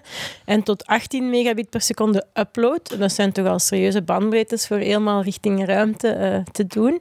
Dat is nog niet waar ze uiteindelijk naartoe willen, want ze willen naar gigabits per seconde. Maar er zijn ook nog niet genoeg satellieten Ja. aan het draaien voor heel het Starlink-project. Wat er wel nog blijkbaar echt niet goed zat, was de latency. Dus hoe lang het duurt tussen dat je begint iets op te vragen en dat het effectief aankomt op je computer. Dat was nu 90 milliseconden en die willen echt naar een aantal milliseconden. Latency, wat dat belangrijk is voor videogesprekken, voor, ja, voor real-time dingen. Ja. Dus- En laat ons eerlijk zijn voor de beurs. Hè. ja. Ja. Want dat is een van de verdienmodellen dat ja, door milliseconden te winnen op een internetnetwerk kun je gigantische beurswinsten maken, omdat je altijd de eerste bent die een goede verkoop kan sluiten. En nog belangrijker voor online gaming. Rapper schieten dan De, een de, de andere. eerste zijn dat de manneke de hoek om zie komen. Wat ik wel grappig vond, dat zijn nu beta-testers, want nog niet iedereen heeft daar toegang toe. En die deden gewoon de Ookla speed-test. Wat dat je thuis ook soms doet Oh, als je ja. wilt zien hoe rap is mijn internet. Die hebben gewoon zo'n Ookla-test gedraaid. Ja. Maar het is dus, ja, er zijn nu al mensen die effectief Starlink. Wel, hoe gaat dat Ja. gaan? Is dat met een abonnement dat je voor moet betalen? Of, of... Ik vermoed het. Ik heb er Ja. eerlijk, daar weet ik niet veel van. Ik weet dat ze nu een heel groot contract hebben met het leger in Amerika. Dus er zal zeker ook een, een militaire poot aan zitten. Maar ik denk op termijn dat mensen ook een abonnement kunnen pakken. Ik heb het eens opgezocht, omdat ik denk in Iran is het internet uitgezet deze maand of zo. En er waren mensen aan het zeggen, of dat was vorige maand, van eh, Elon, help ons, uw satellieten zijn daar, we willen terug op het internet. Maar je hebt een soort van basisstation nodig, dat zo Ja. groot is als een pizzadoos en waarop dat verschillende antennes staan. Bij je thuis? Ja, dat je ergens buiten monteert aan je huis. En Uw telefoon of uw computer kan niet rechtstreeks met de Nee. satelliet. Ah, dus op de trein of in een koffiehuis, nee, dat gaat nee, niet lukken. nee. Waarschijnlijk in de toekomst. eh, Ja, ja, Als het op die trein wel een pizzadoos staat. ja, gaat er een ontvanger op de trein staan? Of, eh, of ja, dat basisstation, Ah, moet, dat basisstation moet enige kennis hebben van de posities van de satellieten. Ah. Die moet die data doorkrijgen om zich daarop te kunnen richten. Ik dacht dat dat echt internet Omdat, everywhere. omdat dat signaal zo zwak is, dat komt van heel ver, moeten ze daar iets, Mm. iets doen. Dat noemen ze beam steering. Dus je gaat eigenlijk echt zo één straal sturen, specifiek naar het punt waar dat je mee wilt communiceren. Dat werkt met meerdere antennes die eigenlijk samen kunnen interferentie in bepaalde richtingen realiseren. lenzen. Ja, en dat gaat niet met één antenneke in eh, Oké. één één doosje. ja. Maar ja, er, zit, er is dus een testgroep nu actief. Hè? Dus eh, enkel een testgroep. Je kunt je nog niet abonneren. Mensen die nu al op dat internet zitten. En Jeff Bezos heeft ook FCC-toestemming voor een lancering van, ik denk, zijn 3236 satellieten. Dus Zo'n zo raar getal. Ik ben, ik ben zo gewoon van meervouden van twee te zien. En dat is de richting. Jij wilt 2048. 2040 Het is, of eh, 4096, maar ja. niet 3200 en een klets. Dat is raar. het is wel een meervoud van twee, hoor. Ja, ja. Ah, een macht van twee. Een macht van twee. Oh, daar heb je me. Ja, maar ja, ik word hier al zo vaak gepakt op mijn asymptotische en asymptomatische. Ik ben de grootste verspreker van de hele podcast. Het is Dus geen populair meervoud van twee, laat ik het zo zeggen. Het zou niet in de top 2000 meervouden van twee komen. dat is, dat is numberism. Dat is numberism, ja. Numberism. Bepaalde getallen belangrijker vinden dan andere. Kijk, sommige getallen zijn gewoon genetisch beter dan andere. De eunumericiteit. Ja, een nieuwe nazistische tak voor, eh, voor wiskunde-nazi's. Maar eigenlijk touw is beter dan pi. Dat is er eigenlijk wel een er onderdeel van. hè. Ja, voilà. Maar dus, Jeff Bezos met zijn Blue Origin gaat dan eigenlijk ook beginnen lanceren, blijkbaar. Maar ook voor internet dan. Eigenlijk is het gewoon pure concurrentie van de Starlink. Het is hetzelfde. Elon doet dat, ik doe dat ook. Ja, Tuurlijk, dat is toch- dat. Dat is Dat is gewoon toch Bezos psychologie? Ja. Dan gaan we blij mee zijn als we, als we over tien jaar de zon niet meer zien, omdat er twee veel te rijke stinkers met hun penis willen waggelen in de atmosfeer. Er is nu alleen nog Amazon. Ja, Er waren toch al foto's van astronomen die, die zo'n, eh, Zo'n, hoe zal ik zeggen, een timelapse hadden genomen. Dus Ja, ja. zo al die strepen op die foto's van, van Ja. Starlinks. Hè. Als je nu een, een langdurige belichting neemt, wat dan nodig is hè, voor de observatie, dan ja, gebeurt het al dat er inderdaad heel veel strepen tussen staan. Ja, voor die Neowise komeet onlangs zijn er ook foto's eh, gepast. Alleen merci Elon om voor onze komeet te verkakken. Ja. Ja, wat dat betreft van rijke stinkers, Bezos is schandalig veel rijker geworden in heel Ja. die lockdown-periode. Zijn vrouw is de rijkste vrouw, allee, zijn ex-vrouw is de rijkste vrouw op aarde nu. Enkel maar... Opena, de op één na. Nee, nee, ze is, eh, Is ja, ja, Ja? ze is er voorbij. Gewoon voorbij gehopt. simpelweg door aandelenstijging. Eh, Dus haar percentage aandelen van Amazon heeft daar voorbij de rest geduwd. En Musk is ook de top 10 binnengekomen. ja of zo? hij is, Musk is eh, Zuckerberg voorbijgestoken. Echt? Ja. Ik had heel de tijd, en denk- ik denk dat het al lang zo geweest is, dat Musk eigenlijk niet echt bij die top 10, top 20 hoorde. Wel. Ja, oké. maar nu is hij daar toch... eh, En het is Jeff Bezos zijn ex-vrouw trouwens. Ja, ik weet het. Ja, Jeff Je- eh, even kijken, niet Jeff McKenzie, dat zou raar zijn. Het zal Jess, Jess McKenzie zijn. Mackenzie Scott is, is de naam van Ah ja, de oké. werelds, werelds rijkste vrouw nu. Dus. Ja, inderdaad. Wat hebben we nog? Ook Blue Origin, Jeff Bezos. Hij heeft een prototype van een maanlander voorgesteld. Jeroen, de ergernis druipt van je gezicht. Kijk naar Poncho om je ogen te wassen. Ik heb het al spijtig genoeg om het over Musk te hebben elke maand, maar dan Jeff Bezos hinkt er gewoon achter. Er is zo'n Twitter-account, has Jeff Bezos decided to end world poverty today? En elke dag is dat gewoon een tweet, nee. Er is ooit, er is ooit een berekening geweest van hoeveel dat het zou kosten, oké, logistiek en zo, hoeveel dat het zou kosten, een getal opgeplakt, om wereldarmoede te helpen. En Bezos heeft ondertussen al een tienvoud van, van dat bedrag. En er is een Twitter-account die elke dag gewoon nee. Ik denk dat misschien moet je gewoon het gerucht lanceren dat Elon Musk de armoede wil beëindigen. dat Bezos zegt, I'm gonna do it. I'm gonna do it first. maar ja, dus hij heeft ook zijn ruimtevaartbedrijf Blue Origin, waar dat we eigenlijk ja, voornamelijk voorspellingen van horen. We horen daar vooral van als Elon iets gedaan heeft. Dan is het van, ja, maar we zijn daar ook mee bezig hoor. nu, de kenners zeggen wel dat het viable is, dus dat, dat dat die op termijn ook wel gaan, gaan lanceren en low Earth orbits doen Is alles niet viable als uw baas de rijkste man ter wereld Ja, is? oké. ja. Maar dus nu hebben ze gewoon een maanlandingstoestel voorgesteld als zijnde... We doen eigenlijk nog niets, maar dit gaan we ook kunnen. Kijk, voilà. Verder in het Musk-nieuws. De FBI heeft blijkbaar een zeer grote hack bij Tesla kunnen verijdelen. Er is niet zoveel over geweten, maar het allemaal... een, een ransomware aanval. Er was een medewerker van Tesla benaderd door schurken om, laat ons zeggen, de beans te spillen over de beveiliging bij Tesla.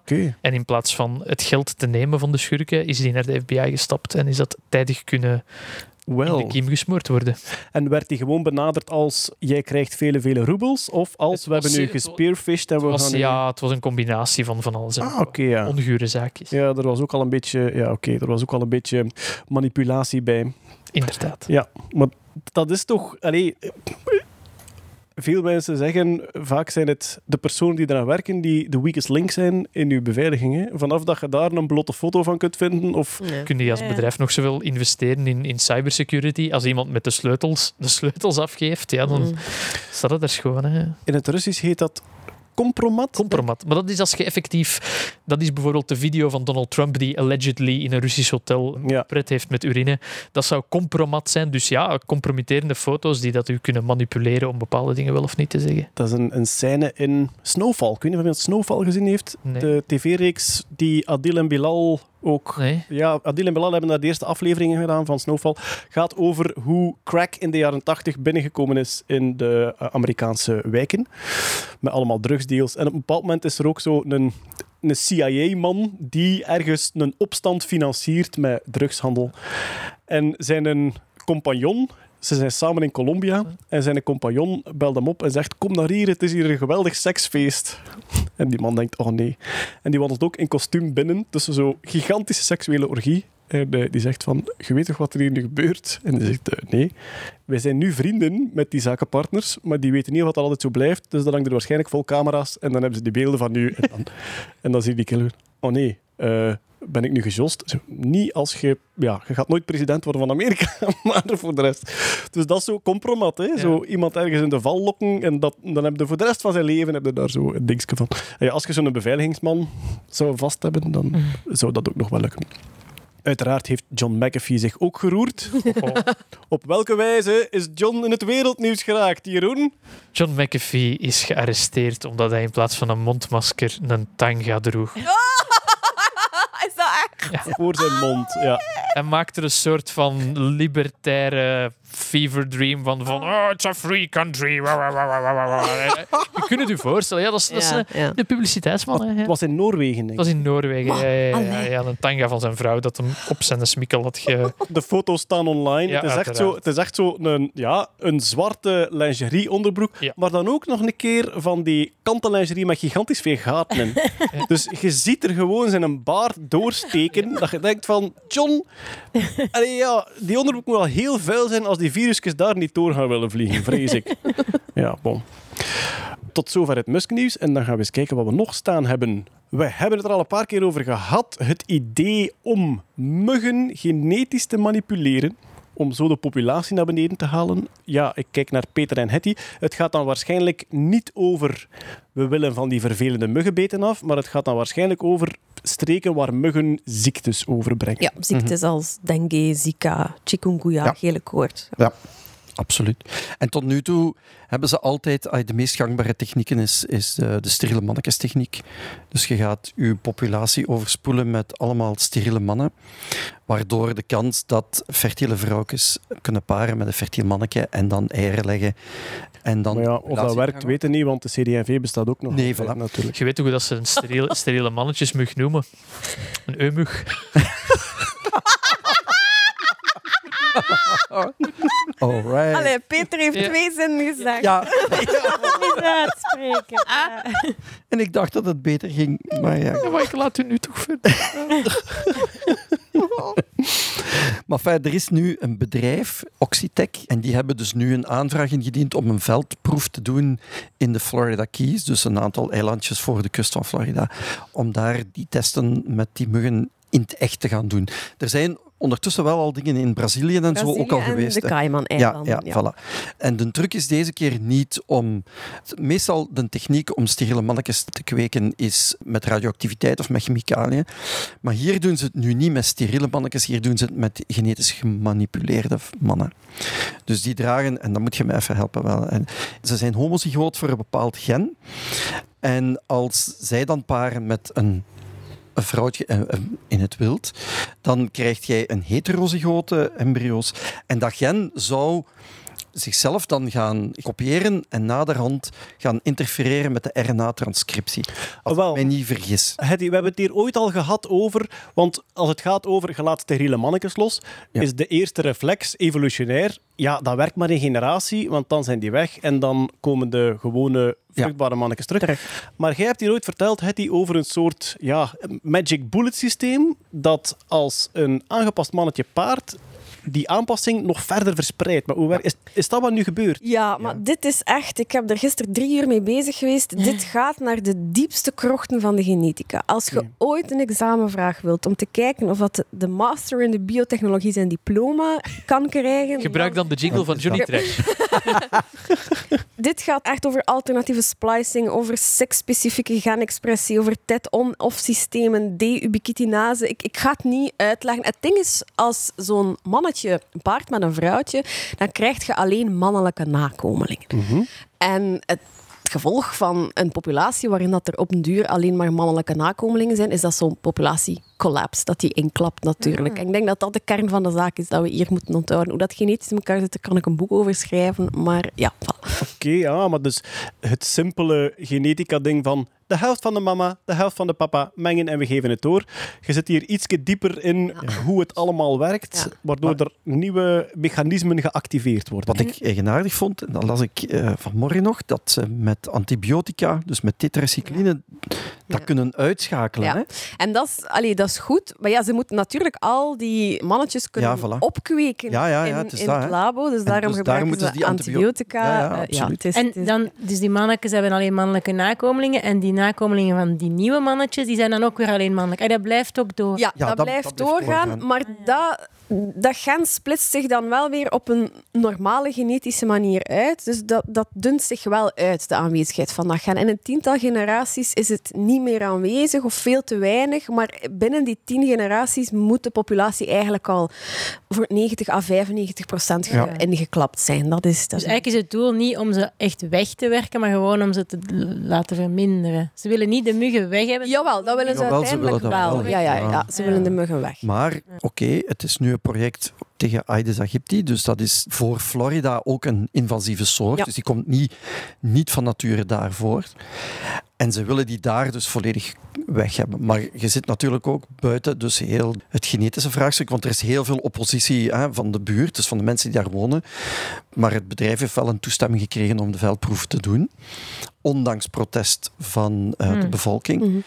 Maar je spreekt dan natuurlijk ook over heel de ecologische impact. Hè. Daar hebben we het al eens over gehad. Hè. Dus er zijn wel een aantal wetenschappers die pleiten voor een volledige uitroeiing van al die muggensoorten die malaria, zika en wat is het allemaal met zich meebrengen.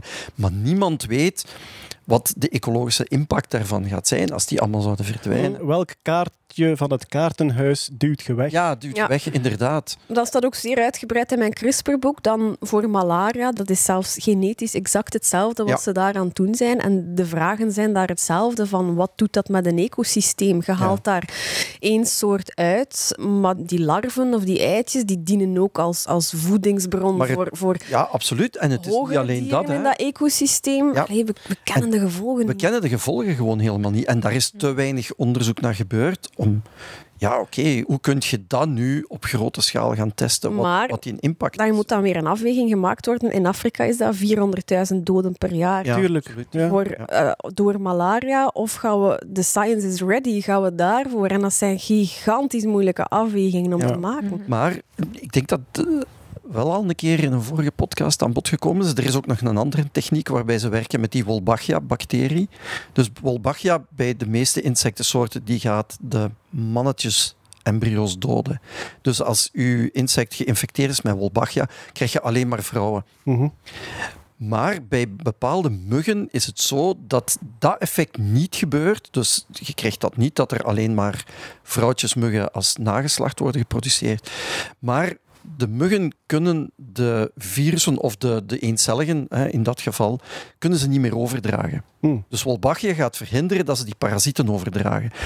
Dat lijkt mij al een beter systeem, want je gaat niks met die populatie doen, maar je kunt wel het feit dat ze een vector zijn voor iets anders, dat kun je wel Ja, uitschakelen. met malaria is dat ook. Ze zijn bezig Ja. om die muggen eigenlijk genetisch aan te passen, zodanig dat die malaria-parasiet niet tot rijping kan komen in die mug. En als die bijt, dat die gewoon niet overgedragen Ja. wordt. Ja. Voor alle duidelijkheid, het is geen CRISPR hè, waar dat we over Nee. spreken. Ja. Het is een vorige generatie genetische wijziging, maar eh, ja, de ethische bezwaren en bedenkingen zijn zeer gelijkaardig. Ja, en de milieuverenigingen zijn eh, Ja. heel erg tegen ook, denk ik. Ja, Oké. We hebben het vorige maand gehad over GPT-3, het nieuwe AI-systeem vooral voor ja, tekst te schrijven, maar het is voorspellen wat er gaat komen in de tekst. Die hè. ultimate autocomplete, om Ja, het eh, Voilà. volksterm te zeggen. En daar is nu, eh, iemand heeft daar een volledige blog mee geschreven, enfin, laten schrijven door GPT-3. En die blog kreeg 26.000 bezoekers in twee weken tijd.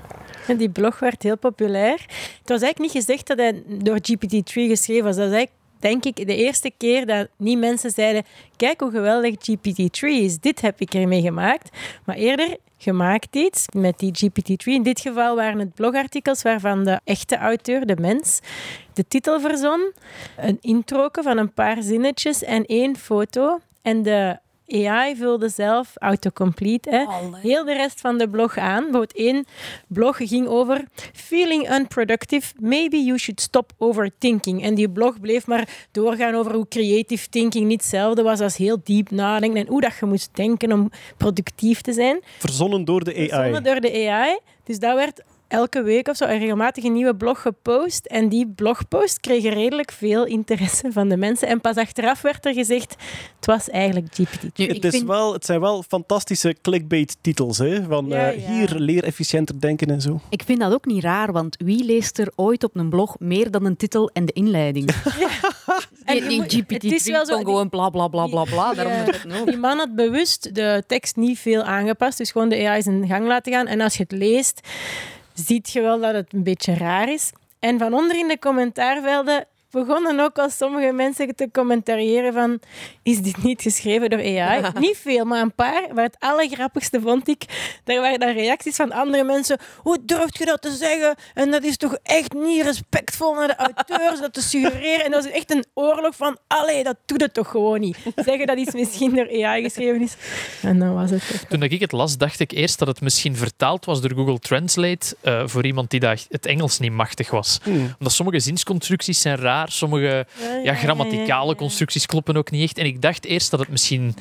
Allee, ik zou het nog kunnen verwarren met ja, iemand die iets in het, in het Mandarijn schrijft en dan vertaalt naar het Engels. Dan staan daar rare dingen in natuurlijk. Nu, wat ik wel interessant vind om over na te denken, is dus ook weer de echte menselijke auteur van de blog. Die greep dat eigenlijk aan om een discussie te starten rond creatieve jobs in de toekomst, zoals schrijver. Zijn die nu ook zeer binnenkort vervangbaar door AI? Niet volledig vervangbaar, want het is duidelijk dat iemand nog daar oversight over moet houden en dingen opkuisen en verbeteren. Maar zei hij, nu dat ene mens kan misschien nu een artikel schrijven in een aantal uur.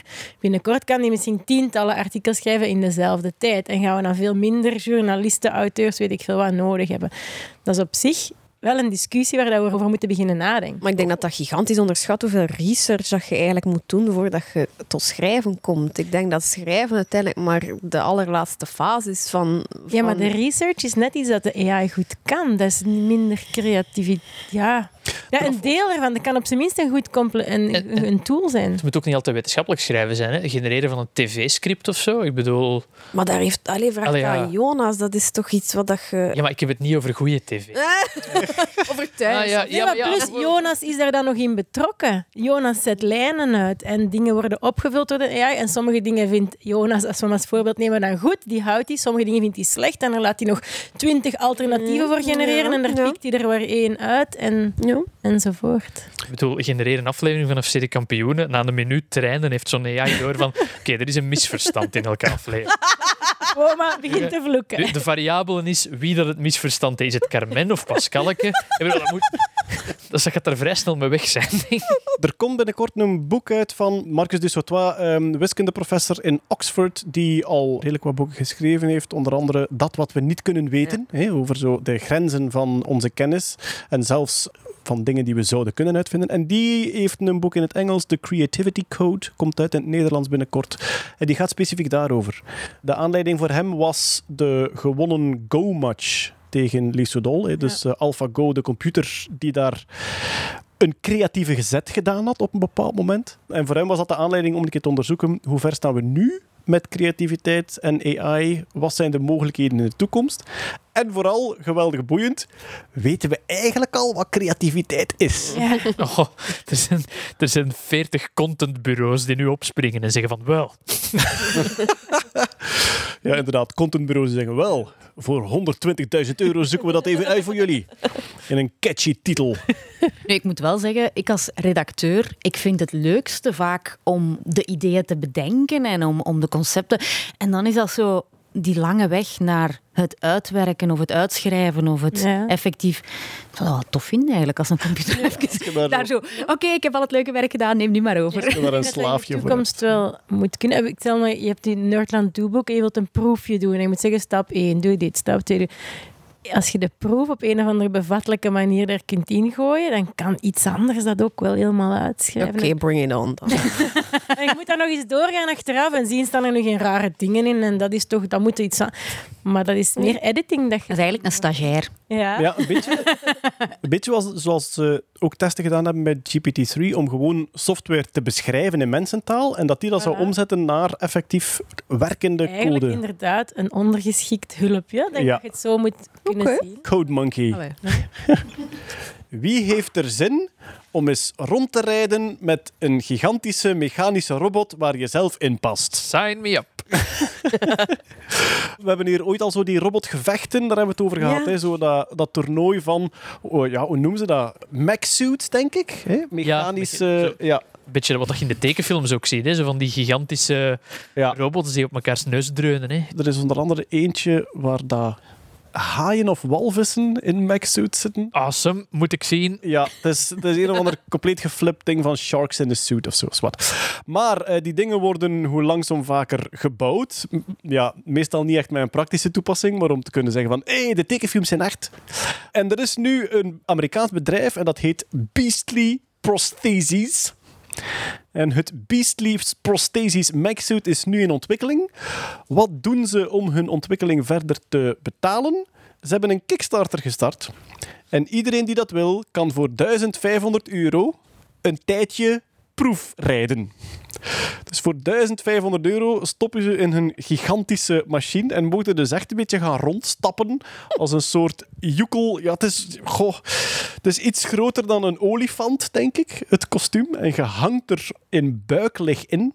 En dan heb je... Graag. Ja, dan heb je... Dan heb je Maar joysticks. 1500 euro. Hè. Ja, het is, eh, het is wel... Ja, inderdaad. Nu, alweer, als bedrijf, hè, sponsoring. Hè. Stel dat je er van voor je logo mocht ophangen en je mocht zo even rondstappen. Ik zal even het filmpje laten zien. Dan hebben we een soort reactiemomentje hier bij ons allemaal. Het heeft dus vier poten. Oh, het is open. Ik had meer iets in mijn hoofd, zoals de Power Rangers die allemaal samenkomen. Klik, klik, klik, klik, klik, klik. Die grote. Ja, nee, het doet een beetje denken aan, aan zo Theo Jansen zijn strandbeesten, Ja. maar dan wel met dikke metalen staven. Het is wel volledig open. Het lijkt op een soort Een heel stijger. vet exoskelet. Ja, of zo, ja, een beetje de structuur Een- van een trus. Een spand. Een spans. Pand. Prachtig, wat een kruiswoordpuzzelwoord Echt, zeg. Dat is een woord dat gemaakt bij Boggel. En iedereen moet overtuigen dat dat een middeleeuws landbouwwerktuig is. Ik heb, ik- maar ik heb nog architecturale vorming gedaan en ik moest Oké. altijd spandjes maken. Ik zal even het filmpje starten, hè, dan zien we er mee rondwandelen. Het is met twee joysticks. Hoe lang moet het trainen eer dat je daar zo kunt blijven inhangen? Dat is blijkbaar deel van de ervaring. Dus de besturing is intuïtief. Dus de joysticks worden gekoppeld aan bepaalde bewegingen van de poten. Dus het heeft vier grote poten die echt zo met een kniegewricht scharnieren en dan stappen zetten. En ze zijn nog aan het zoeken naar wat is de meest intuïtieve besturing die voor mensen die dat voor de eerste keer proberen doenbaar is. Dus niet alleen test je het zelf of heb je de ervaring van het robotsuit. Blijkbaar wordt je dan ook gebruikt als ze, ze kijken naar u om te zien wat werkt er voor Ja, u en ja, wat ja, niet ja, qua besturing. Ja. Ik zou hem toch niet, niet direct op de parking loslaten. Nee, ja, ik denk wel dat je er... eh, ja, ik denk wel dat je Je er... bedoelt dan buiten Antwerpen? Of? In Japan heeft dat eerste, de, ze zijn zo'n gigantisch Gundam-suit aan het maken. Zo'n kleurrijke Transformer-achtige robot. Als ode aan de Gundam-stijl, voor de mensen die er iets van kennen. Gundam style. Woep. En dat heeft, eh, dat heeft deze maand zijn eerste stappen gezet. Dus de eerste keer dat die grote poten bewogen hebben. Wat, eh, Ah, oké. We zetten het in de show Ja, notes. sowieso op maandoverzicht.nerdland.be. Voilà, maandoverricht.nerdland.be. Daar kan je terecht om voor alle links en filmpjes waar we het over gehad hebben. Nu moet ik zeggen, als je die mens daar ziet inhangen, dat ziet er cool uit, maar niet comfortabel. Hè. Pas op, uw buikspieren, Je moet altijd kiezen. cool of comfortabel. Ik, zie, ik kies ervoor om er cool uit te zien. Ik denk dat dat ergens nog een troost is als je ergens in de toekomst aangevallen wordt en verpletterd door een man en of een vrouw in een gigantisch robotpak, dat je toch denken, "Pff, zijn been slaapt waarschijnlijk." Doe waarschijnlijk pijn aan zijn elektriekje aan zijn elleboog, denk ik. Peter, nieuwe insecten ontdekt. Ja. In België. In België nog wel. Eh, Wel, ik ging net zeggen in België en in Limburg. Ik, ik zet het in omgekeerde volgorde van belangrijkheid, eh, uiteraard. Maar laten we beginnen met de Zonhovense bidspringkaan. Ja. Tututum. Ook wel gekend als Patrick Crimson. Patch Crimson, Ja, die is van Zonne. Van Zonhoven, ja. Wat Man dus. een man. Ach, stond in de krant met zijn vader en het, het onderschrift was niet Pa Crimson, spijtig genoeg. Dat was echt een Roger of zoiets, dat was echt saai. Oké. Ja. Nou, Maar dus de Zonhovense iets. Bidspring. Windspringkaan, ja. de bidspringkaan. Enkel, Ja, maar het is de enkel nullen en eentjes, eh, eigenlijk. Mijn zielige pogingen om de gouden jas te veroveren dit jaar eh, zullen stranden in de koperen jas, vrees ik. Ja, Ja. Peter. Goed, bidspringkaan. Het is niet de Zonhovense, het is de Europese. Het is de Europese bidspringkaan, maar ze is voor het eerst gezien in Limburg of in België? Nee, nee, nee, in Limburg nu. Hè? Want in België is die er al heel lang. Want wij zitten eigenlijk een beetje op de noordelijke grens van zijn verspreidingsgebied. Van de beschaving, ja. Ja, dus nee, hij komt al heel lang voor, maar vooral in Luxemburg namen. Dus echt het, het uiterste zuiden van België. En misschien moeten we dan even naar de erecode der entomologen, moeten we dat even duidelijk maken aan de luisteraars die niet ingewijd zijn. Je kunt een soort hebben die nieuw is voor de wetenschap, dan gaat je de geschiedenisboeken in. Maar nieuw voor uw land wordt, is meestal ook nieuws, voor, de, Ja, ja, voor het ja. eerst gezien in uw land. Maar ook nieuw voor de provincie, daar doen jullie ook aan. Dat doen wij ook aan. Dus Ja. Nieuw Dus voor mijn dat is-. Dat is ja, Breaking. ja, nieuw, voor, nieuw voor Alke, nieuw voor Gent, nieuw voor Vlaanderen. Ja. eh, Of, Maar dus ja, nieuw voor Limburg, dat is wel iets wat je rondmailt naar je entomologenvrienden als je dat ontdekt. ja, ik nu niet, maar mijn voorzitter dan wel. Ja. Heb jij ooit iets nieuw voor een provincie? eh? Nee, jij- zit- niet in dat soort ik, zit zoekende- niet, nee, ik zit niet met die spottersclub. Hè. niet in die Dat zijn pas Ja. nerds. Dat zijn echt- ja, nee, nee, maar dat is ook zo. De meerderheid van de mensen van, wat dan bij ons is dat de Limburgse Koepel Natuurstudie, die mannen van de ongewervelde, dat zijn spotters. Hè? Dus dat zijn gasten die gewoon gaan kijken van, was dit waar en is dat voor de eerste keer dat we dat hier zien? Zo, Ja. Oh ja, Vink, dan hebben we die ook al op de lijst. De vink die komt wel overal Ja, voor. wel. Hè. Denk niet dat we die, eh, ook Pokémon, Nee. Pokémon Go zonder een gsm. Wat zijn die mensen dan? Ja, ah, wel, maar daar, Entomo Go. daar komt het op neer. Sorry. Het is een Pokémon Go zonder een gsm. Ik, eh, af en toe stuur ik een, een foto van een insect hier in de hof rond met de hashtag Entomogo. Ehm eh Ja, zo insectjes spotten? Een paar jaar geleden zijn we daarmee begonnen. Entomo Go, ja. Entomogo, ja. m- Meer zelfs. Pokémon is ooit begonnen door een, ik denk dat het een bioloog was, die het zo jammer vond dat de kinderen in stedelijke gebieden, zoals Hongkong en zo, dat die eigenlijk nooit dat soort diversiteit konden gaan zoeken en leren kennen. En die dacht, ik maak een alternatief. En oh ironie, nu lopen mensen in natuurgebieden naar zijn alternatief te zoeken, in plaats van Rond te kijken. Ja, de biodiversiteit die daar heerst. Ik vind wel dat je nu zo'n bal moet ontwikkelen waarin dat je die kunt vangen. Echt waar. Allee, doe het gewoon. doe is jou! Hier is mijn geld, maak het. Ik vertrouw entomologen niet meer met dieren te vangen. En dan ook vechten door insecten los te laten. Ja. Wespennest, doe ijzerstaart. Pikachu gaat niet terug in de bal om te rusten. Pikachu gaat in de bal om elektroden op zijn tepels te krijgen in een of ander gek entomologisch experiment. Pikachu, ga niet terug in de bal. Of ze lijmen je poten aan een vast en dan steken die in, eh, in een ding en een kikker. Wat was het weer? Ja, ja, ja. En ze gaan eh, Of je er wel door geraakt. Of... je pootjes afknippen om te zien of je dat meer stappen zet. Ja. En dat soort Ah ja, dat is waar. Ja. Trouwens, wat dat betreft, Peter, wij zijn druk aan het afwerken aan een insectenboek. Ja. Yay. Wij hopen dat dat ergens eind oktober zal kunnen verschijnen, maar de deadline is verschroeiend. dus momenteel is het voornamelijk hoop. En daarin staan dat soort dingen, hè. het Ja. soort eh, hobby's van entomologen als zijnde nieuw voor mijn hof. Nieuw voor mijn gedaan. nieuw voor mijn dorp, nieuw voor mijn provincie, nieuw voor Ja. mijn land. Dus ja, de, de Zonhovense bidspringkaan. Dus ja, eh, hij zit al een hele tijd in België Ja. en hij rukt, eigenlijk rukt hij op. Dat is klimaatopwarming. Dus gaat hij meer en meer verspreid geraken. Wat het nu zo bijzonder maakt, is dat ze hem nu twee jaar op rij gevonden hebben. En dit jaar zijn het nymfen, dus dat betekent dat er eigenlijk een populatie zich aan het opbouwen is. Ja. Want de meeste waarnemingen die wij zien in België, ik heb nu even gecheckt, zijn allemaal maar van die eenmalige dingen. Dus Ah. ze zien er ene, het jaar erop zie je niks meer. Dus dat zijn dan zo van die ja, eenmalige waarnemingsjes. Maar nu is dat twee jaar op rij dat ze verschillende exemplaren hebben gevonden. Dit jaar waren het nymfen, dus we weten dan, goed, ja, die kunnen al niet vliegen, dus die moeten daar op een andere manier gekomen zijn. Dat zijn de jongstjes. hè, Dat de zijn de jongskes. Dus ze vermoeden dat die dus uit eieren gekomen zijn die van de vorige generatie. Dus dat is al... Maar in Leuven is er ook een ontdekt die nieuw is voor België. Ja. Ja, maar dat lijkt erop, maar dat is het helemaal niet. Dat is de bitsprinkhaangaasvlieg. Ah ja, dus zo, ja. dat, dat lijkt als een soort samengesteld dier. De helft bitsprinkhaan en, de helft gaasvlieg. gaasvlieg. Ja, ja. ja. Dus gaasvlieg met zo die doorzichtige vleugels als een libel, maar dan achteruit geklapt in plaats van opzij stekend. Ja, en de gaasvliegjes die wij kennen zijn die kleine groene beestjes met die gouden oogjes. Want zo heten ze ook, hè? Goudoogjes. Ja. Het zijn bladluizeneters. Eh, Ze vallen het meestal op als ze in de herfst en de winter binnenkomen. Ze overwinteren in huis. Hmm. En ze verkleuren dan. Hè. Ze worden van groen gaan ze dan worden ze bruin. En ze blijven dan in je huis zitten. En dan krijg je de meeste mensen die dat opvallen. Alle vliegende beestjes lijken op elkaar.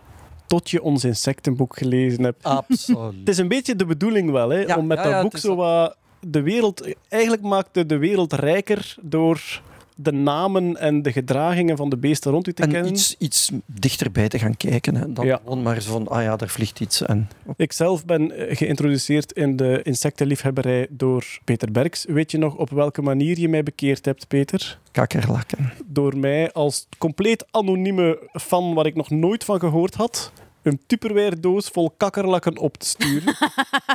Met de post, met daarbij een briefje. Zie eens wat een coole beesten. En het was geschreven op hostiepapier. En dan moest je dat breken en dan in de kakkerlakkendoos steken. En dan fraatte je het op. Ja, dus de brief... Dus wel een beetje een vertraagde versie van dit bericht vernietigt zichzelf na lezen. Ja. Binnen tien dagen. Oké, En ik dacht... één oproep om kakkerlakken naar liefde te Nee, sturen. dat, dat gaat maar één keer werken, vrees ik. Goed dat Peter entomoloog is en geen kangeroeliefhebber of zo. Of gaat hier een doos? Bronstige koala tegen mijn been. Zie eens wat Ja. een cool beest. Mijn vrouw was daar eh, niet over te spreken. Die, eh, die sprak toen letterlijk over welke zot stuurt er nu kakkerlakken naar andere mensen. En nu zit hij zot, nu zit hij zot in haar tuinhuis. Ja, onze koffie op te drinken. Voilà, kijk, zo gaat dat. Ja. Anyway, Bitsprinkhaan gaasvlieg is nu niet alleen waargenomen in Leuven, maar ook in Oostende. Maar Oké. De eerste waarneming was begin augustus, denk ik. En ik heb nu gekeken, dus er zijn nu vier of vijf waarnemingen geweest. De meeste mensen die lichtvallen hebben geplaatst, dus entomologen die effectief... S'nachts een lichtval waar ze in Ja, vliegen. en daar zijn ze in, in terechtgekomen. Er zijn nu twee waarnemingen. Twee in Leuven, één in Kesselo en dan denk ik twee of drie in Oostende. Die zullen op een van die veel te drukke treinen gezeten ja, maar dat is zo'n zo'n tweede, tweede verblijfsbitspringkaan. Ja. Hier, hier en daar nog wat belastingsvermindering weggraait met, z'n- Typisch gaasvliegen. met die grijpende pootjes. Ja. We hebben nog één nieuwsje staan en dat is... Ja, er is een poging ondernomen om enkele Romeinen... En eh, dan beginnen Peter zijn ook... Zeg, Peter, wat een, wat een week voor u zeg. Wat een echt, maand. Oh ja, heerlijk. Ins- nieuwe insecten en Romeinen nieuws. Romeinen, ja, ja. Oké. Ze hebben op basis van standbeelden van Romeinen hebben ze via AI proberen berekenen hoe ze er echt zouden uitgezien Ja, het, is, het was eigenlijk een kunstproject. De, de website heet Art Breeder. En je kunt daar zelf je afbeeldingen op uploaden en dan kun je die samen gaan. Dus je kunt bijvoorbeeld, ik denk dat zij het voorbeeld geven van, ik zeg nu maar een foto van Poncho, of een aantal foto's van Poncho en een aantal foto's van zeebellen. En je kunt dan Poncho met een zeebelhoofd of zeebelkopje maken. Dus je kunt die dingen bij elkaar zetten. En kun je dus nieuwe gezichten of dingen genereren door een aantal foto's te uploaden. En wat Als, heeft... als ze bijvoorbeeld mijn gezicht en uw gezicht daarin stoppen, Ja. dan gaat dat een soort mengeling Ja, berekenen. ja, zoiets doet dat. En wat, Hoe zou wat, een eh lieve Peter baby eruit zien? Dat is altijd leuk om te weten. En dan, wat heeft nu die kerel gedaan? Die heeft een heel aantal gezichten getekend op basis van de beschrijvingen van geschiedschrijvers die in de tijd over de keizers hebben geschreven. Dan foto's van standbeelden en foto's van munten. En daar allemaal afbeeldingen van getekend. En dat allemaal samengelegd. En dan, dus bijvoorbeeld, hè, ik zeg nu maar iets, keizer Augustus, al die standbeelden, al die tekeningen gebaseerd op beschrijvingen van zijn hoofd. En dan munten, en daar dus ook tekeningen van gemaakt. En al die afbeeldingen geüpload. En dan het programma daar één afbeelding uit laten maken. Maar ik zit u te kijken naar eh, Hadrianus. En Ja. dat is eigenlijk geweldig goed gedaan. Hè? Dus Ja, ja, inderdaad, ja, ja. ja. Gebaseerd op die standbeelden met die baard en met die krulletjes. En effectief, als je het resultaat ziet, dan denkt je... Ah, wel ja, Dat mens. ziet er een mens Ja. uit. Ja. Ah, wel, ja. Ja, ja. maar niet alleen dat. Je kijkt ook naar die mensen en je denkt, ah, wel ja, moest ik kunnen beeld houden en ik zou er een buste Zou van het zo maken. maken? Ik zou daarop uitkomen. Nu, ja. ik moet er wel bij zeggen, Kunt jij zo goed beeld houden? Eh, absoluut niet. Ik zou dat niet kunnen. Ik denk dat eh, bij mij terug eh, de uitvinding van de pixel zou meekomen Ja. met een vierkante neus. Ja, ja, en ik moet er wel bij zeggen, je hebt natuurlijk het grote voordeel dat die tijd van de Romeinse geschiedenis, de Romeinen hadden een kunststroming om die standbeelden zo realistisch mogelijk te maken. Mm. Oké. Dus er zijn heel veel standbeelden, bijvoorbeeld van Cicero, vratten, rimpels, alles wat die mannen hadden, dat werd mee afgebeeld. Dus bij de Grieken hebben ze meestal zo die egale gezichten met amandeloogjes. geïdealiseerd. Ja. dat is Ja, geïdealiseerd. ja, ja, ja. Maar de Romeinen hadden dat niet, heel in het begin wel, maar daarna zijn die echt naar realistische afbeeldingen gegaan. Ja. En dat is natuurlijk een groot voordeel, want als je dat dan gebruikt Mm. en je combineert dat met beschrijvingen en je combineert dat met afbeeldingen van munten, dan kom je eigenlijk wel tot een vrij goed beeld. Ik vond het één teleurstelling, je moet maar eens kijken. Ik vind dat Augustus, een van mijn favoriete keizers, die lijkt gewoon op Poetin. Ja, Ik vond dat zo, oh, ik dacht, nee. Poetin met het kapsel van Mark Zuckerberg. Ja, zoiets, hè. Ja, Tegenover van Caligula, die wil dat de vetzakje is, vind ik. ja. Ter- ja. Ah ja, oké. Ja, die kijkt een Alhoewel, beetje zo van ja. zover heb ik zo de indruk dat hem op Antonio Banderas lijkt. Maar... Ja. Wo- Wordt dan niet gezegd van Memling, de schilder, dat hij altijd Poetin schildert? Dat Alle mannen op Memling schilderijen op Poetin lijken. Daar is zo'n overzicht van dat ik ooit doorgekregen heb. The Beginner's Guide to Artists. En dan ja, ziet het eruit als een zwerver die in een ruimte zit met maar één gloeilamp. Dan is het Rembrandt. dat soort dingen. En dan Everyone looks like Putin. It's Memling. Memling. Ja, Oké. Ja, Cool. Dat eh, was een overzichtje daarvan. Daarmee zijn we helemaal rond voor deze maand. Voor we afsluiten, heb ik nog één iets. Uh-oh. Ehm, ja, eh, voor Jeroen. Wat? Eh, ja, ja, wacht hoor, maar ik moet nu eventjes verhuizen. Jeroen moet zijn ogen dicht doen. Oké, mijn ogen zijn toe. Als je een wombat voor mij heeft, dan heeft hij zich al lang stilgehouden. Cool. Impressed. Oh, ik, ik weet al niet dat ik het leuk ga vinden. Oh, jawel. Jeroen Baart, Ik haat verrassingen. je mag de ogen open doen en recht komen staan. ik doop u bij deze officieel tot gouden jas Is dit zo een deken dat ze aan mensen die in een brand gezeten hebben gegeven? Zo? 2019. En jij staat daarmee. Ja, het, het, Allee. het is niet overdrijven. Jawel. Voilà. Het is de blitz, ik sta hier niet mee, maar ik ben er ongelooflijk blij mee. Ja. Dank u wel. Dus op officiële Nerdland-activiteiten. Is, dat een Sound wis- of- is dat een wisseljas? Dat weet ik nog Dat niet. Dat moeten we nog bepalen. Ofwel wordt dat een wisseljas, ofwel is er telkens een is nieuwe. niet dat die volgend jaar niet aan... Allee, laat ons- Eh, voilà. Eh, maar, eh, Jeroen, ik vind wel dat we volledig moeten zijn. En Ja. dat we daarom ook voor Poncho eigenlijk... Ja, ja, ja, ja. ja. Oh, Ehm. Een klein gouden jasje voor Poncho ook. Allee. We zullen ervoor zorgen, we zullen ervoor zorgen. Oh jongens, Pet. oh, jongens. Oh, geweldig. Ziezo. dank u wel iedereen. Oké. Ik ben oprecht gecharmeerd. Dan denk ik dat we daarmee gaan afsluiten. Ik dank iedereen die hier aanwezig was. Peter Berks. Bye. Els Aert. Dag. Hetty Helsmoortel. Met veel plezier. Marian is al naar huis, maar we bedanken daar ook Jeroen Baart in zijn gouden jas. Gouden jas. Ja, inderdaad. Jeroen Baart, dankjewel. En eh, Poncho de Woef. Dank aan iedereen die geluisterd heeft tot hier en graag tot een volgende keer. Dag. Dag.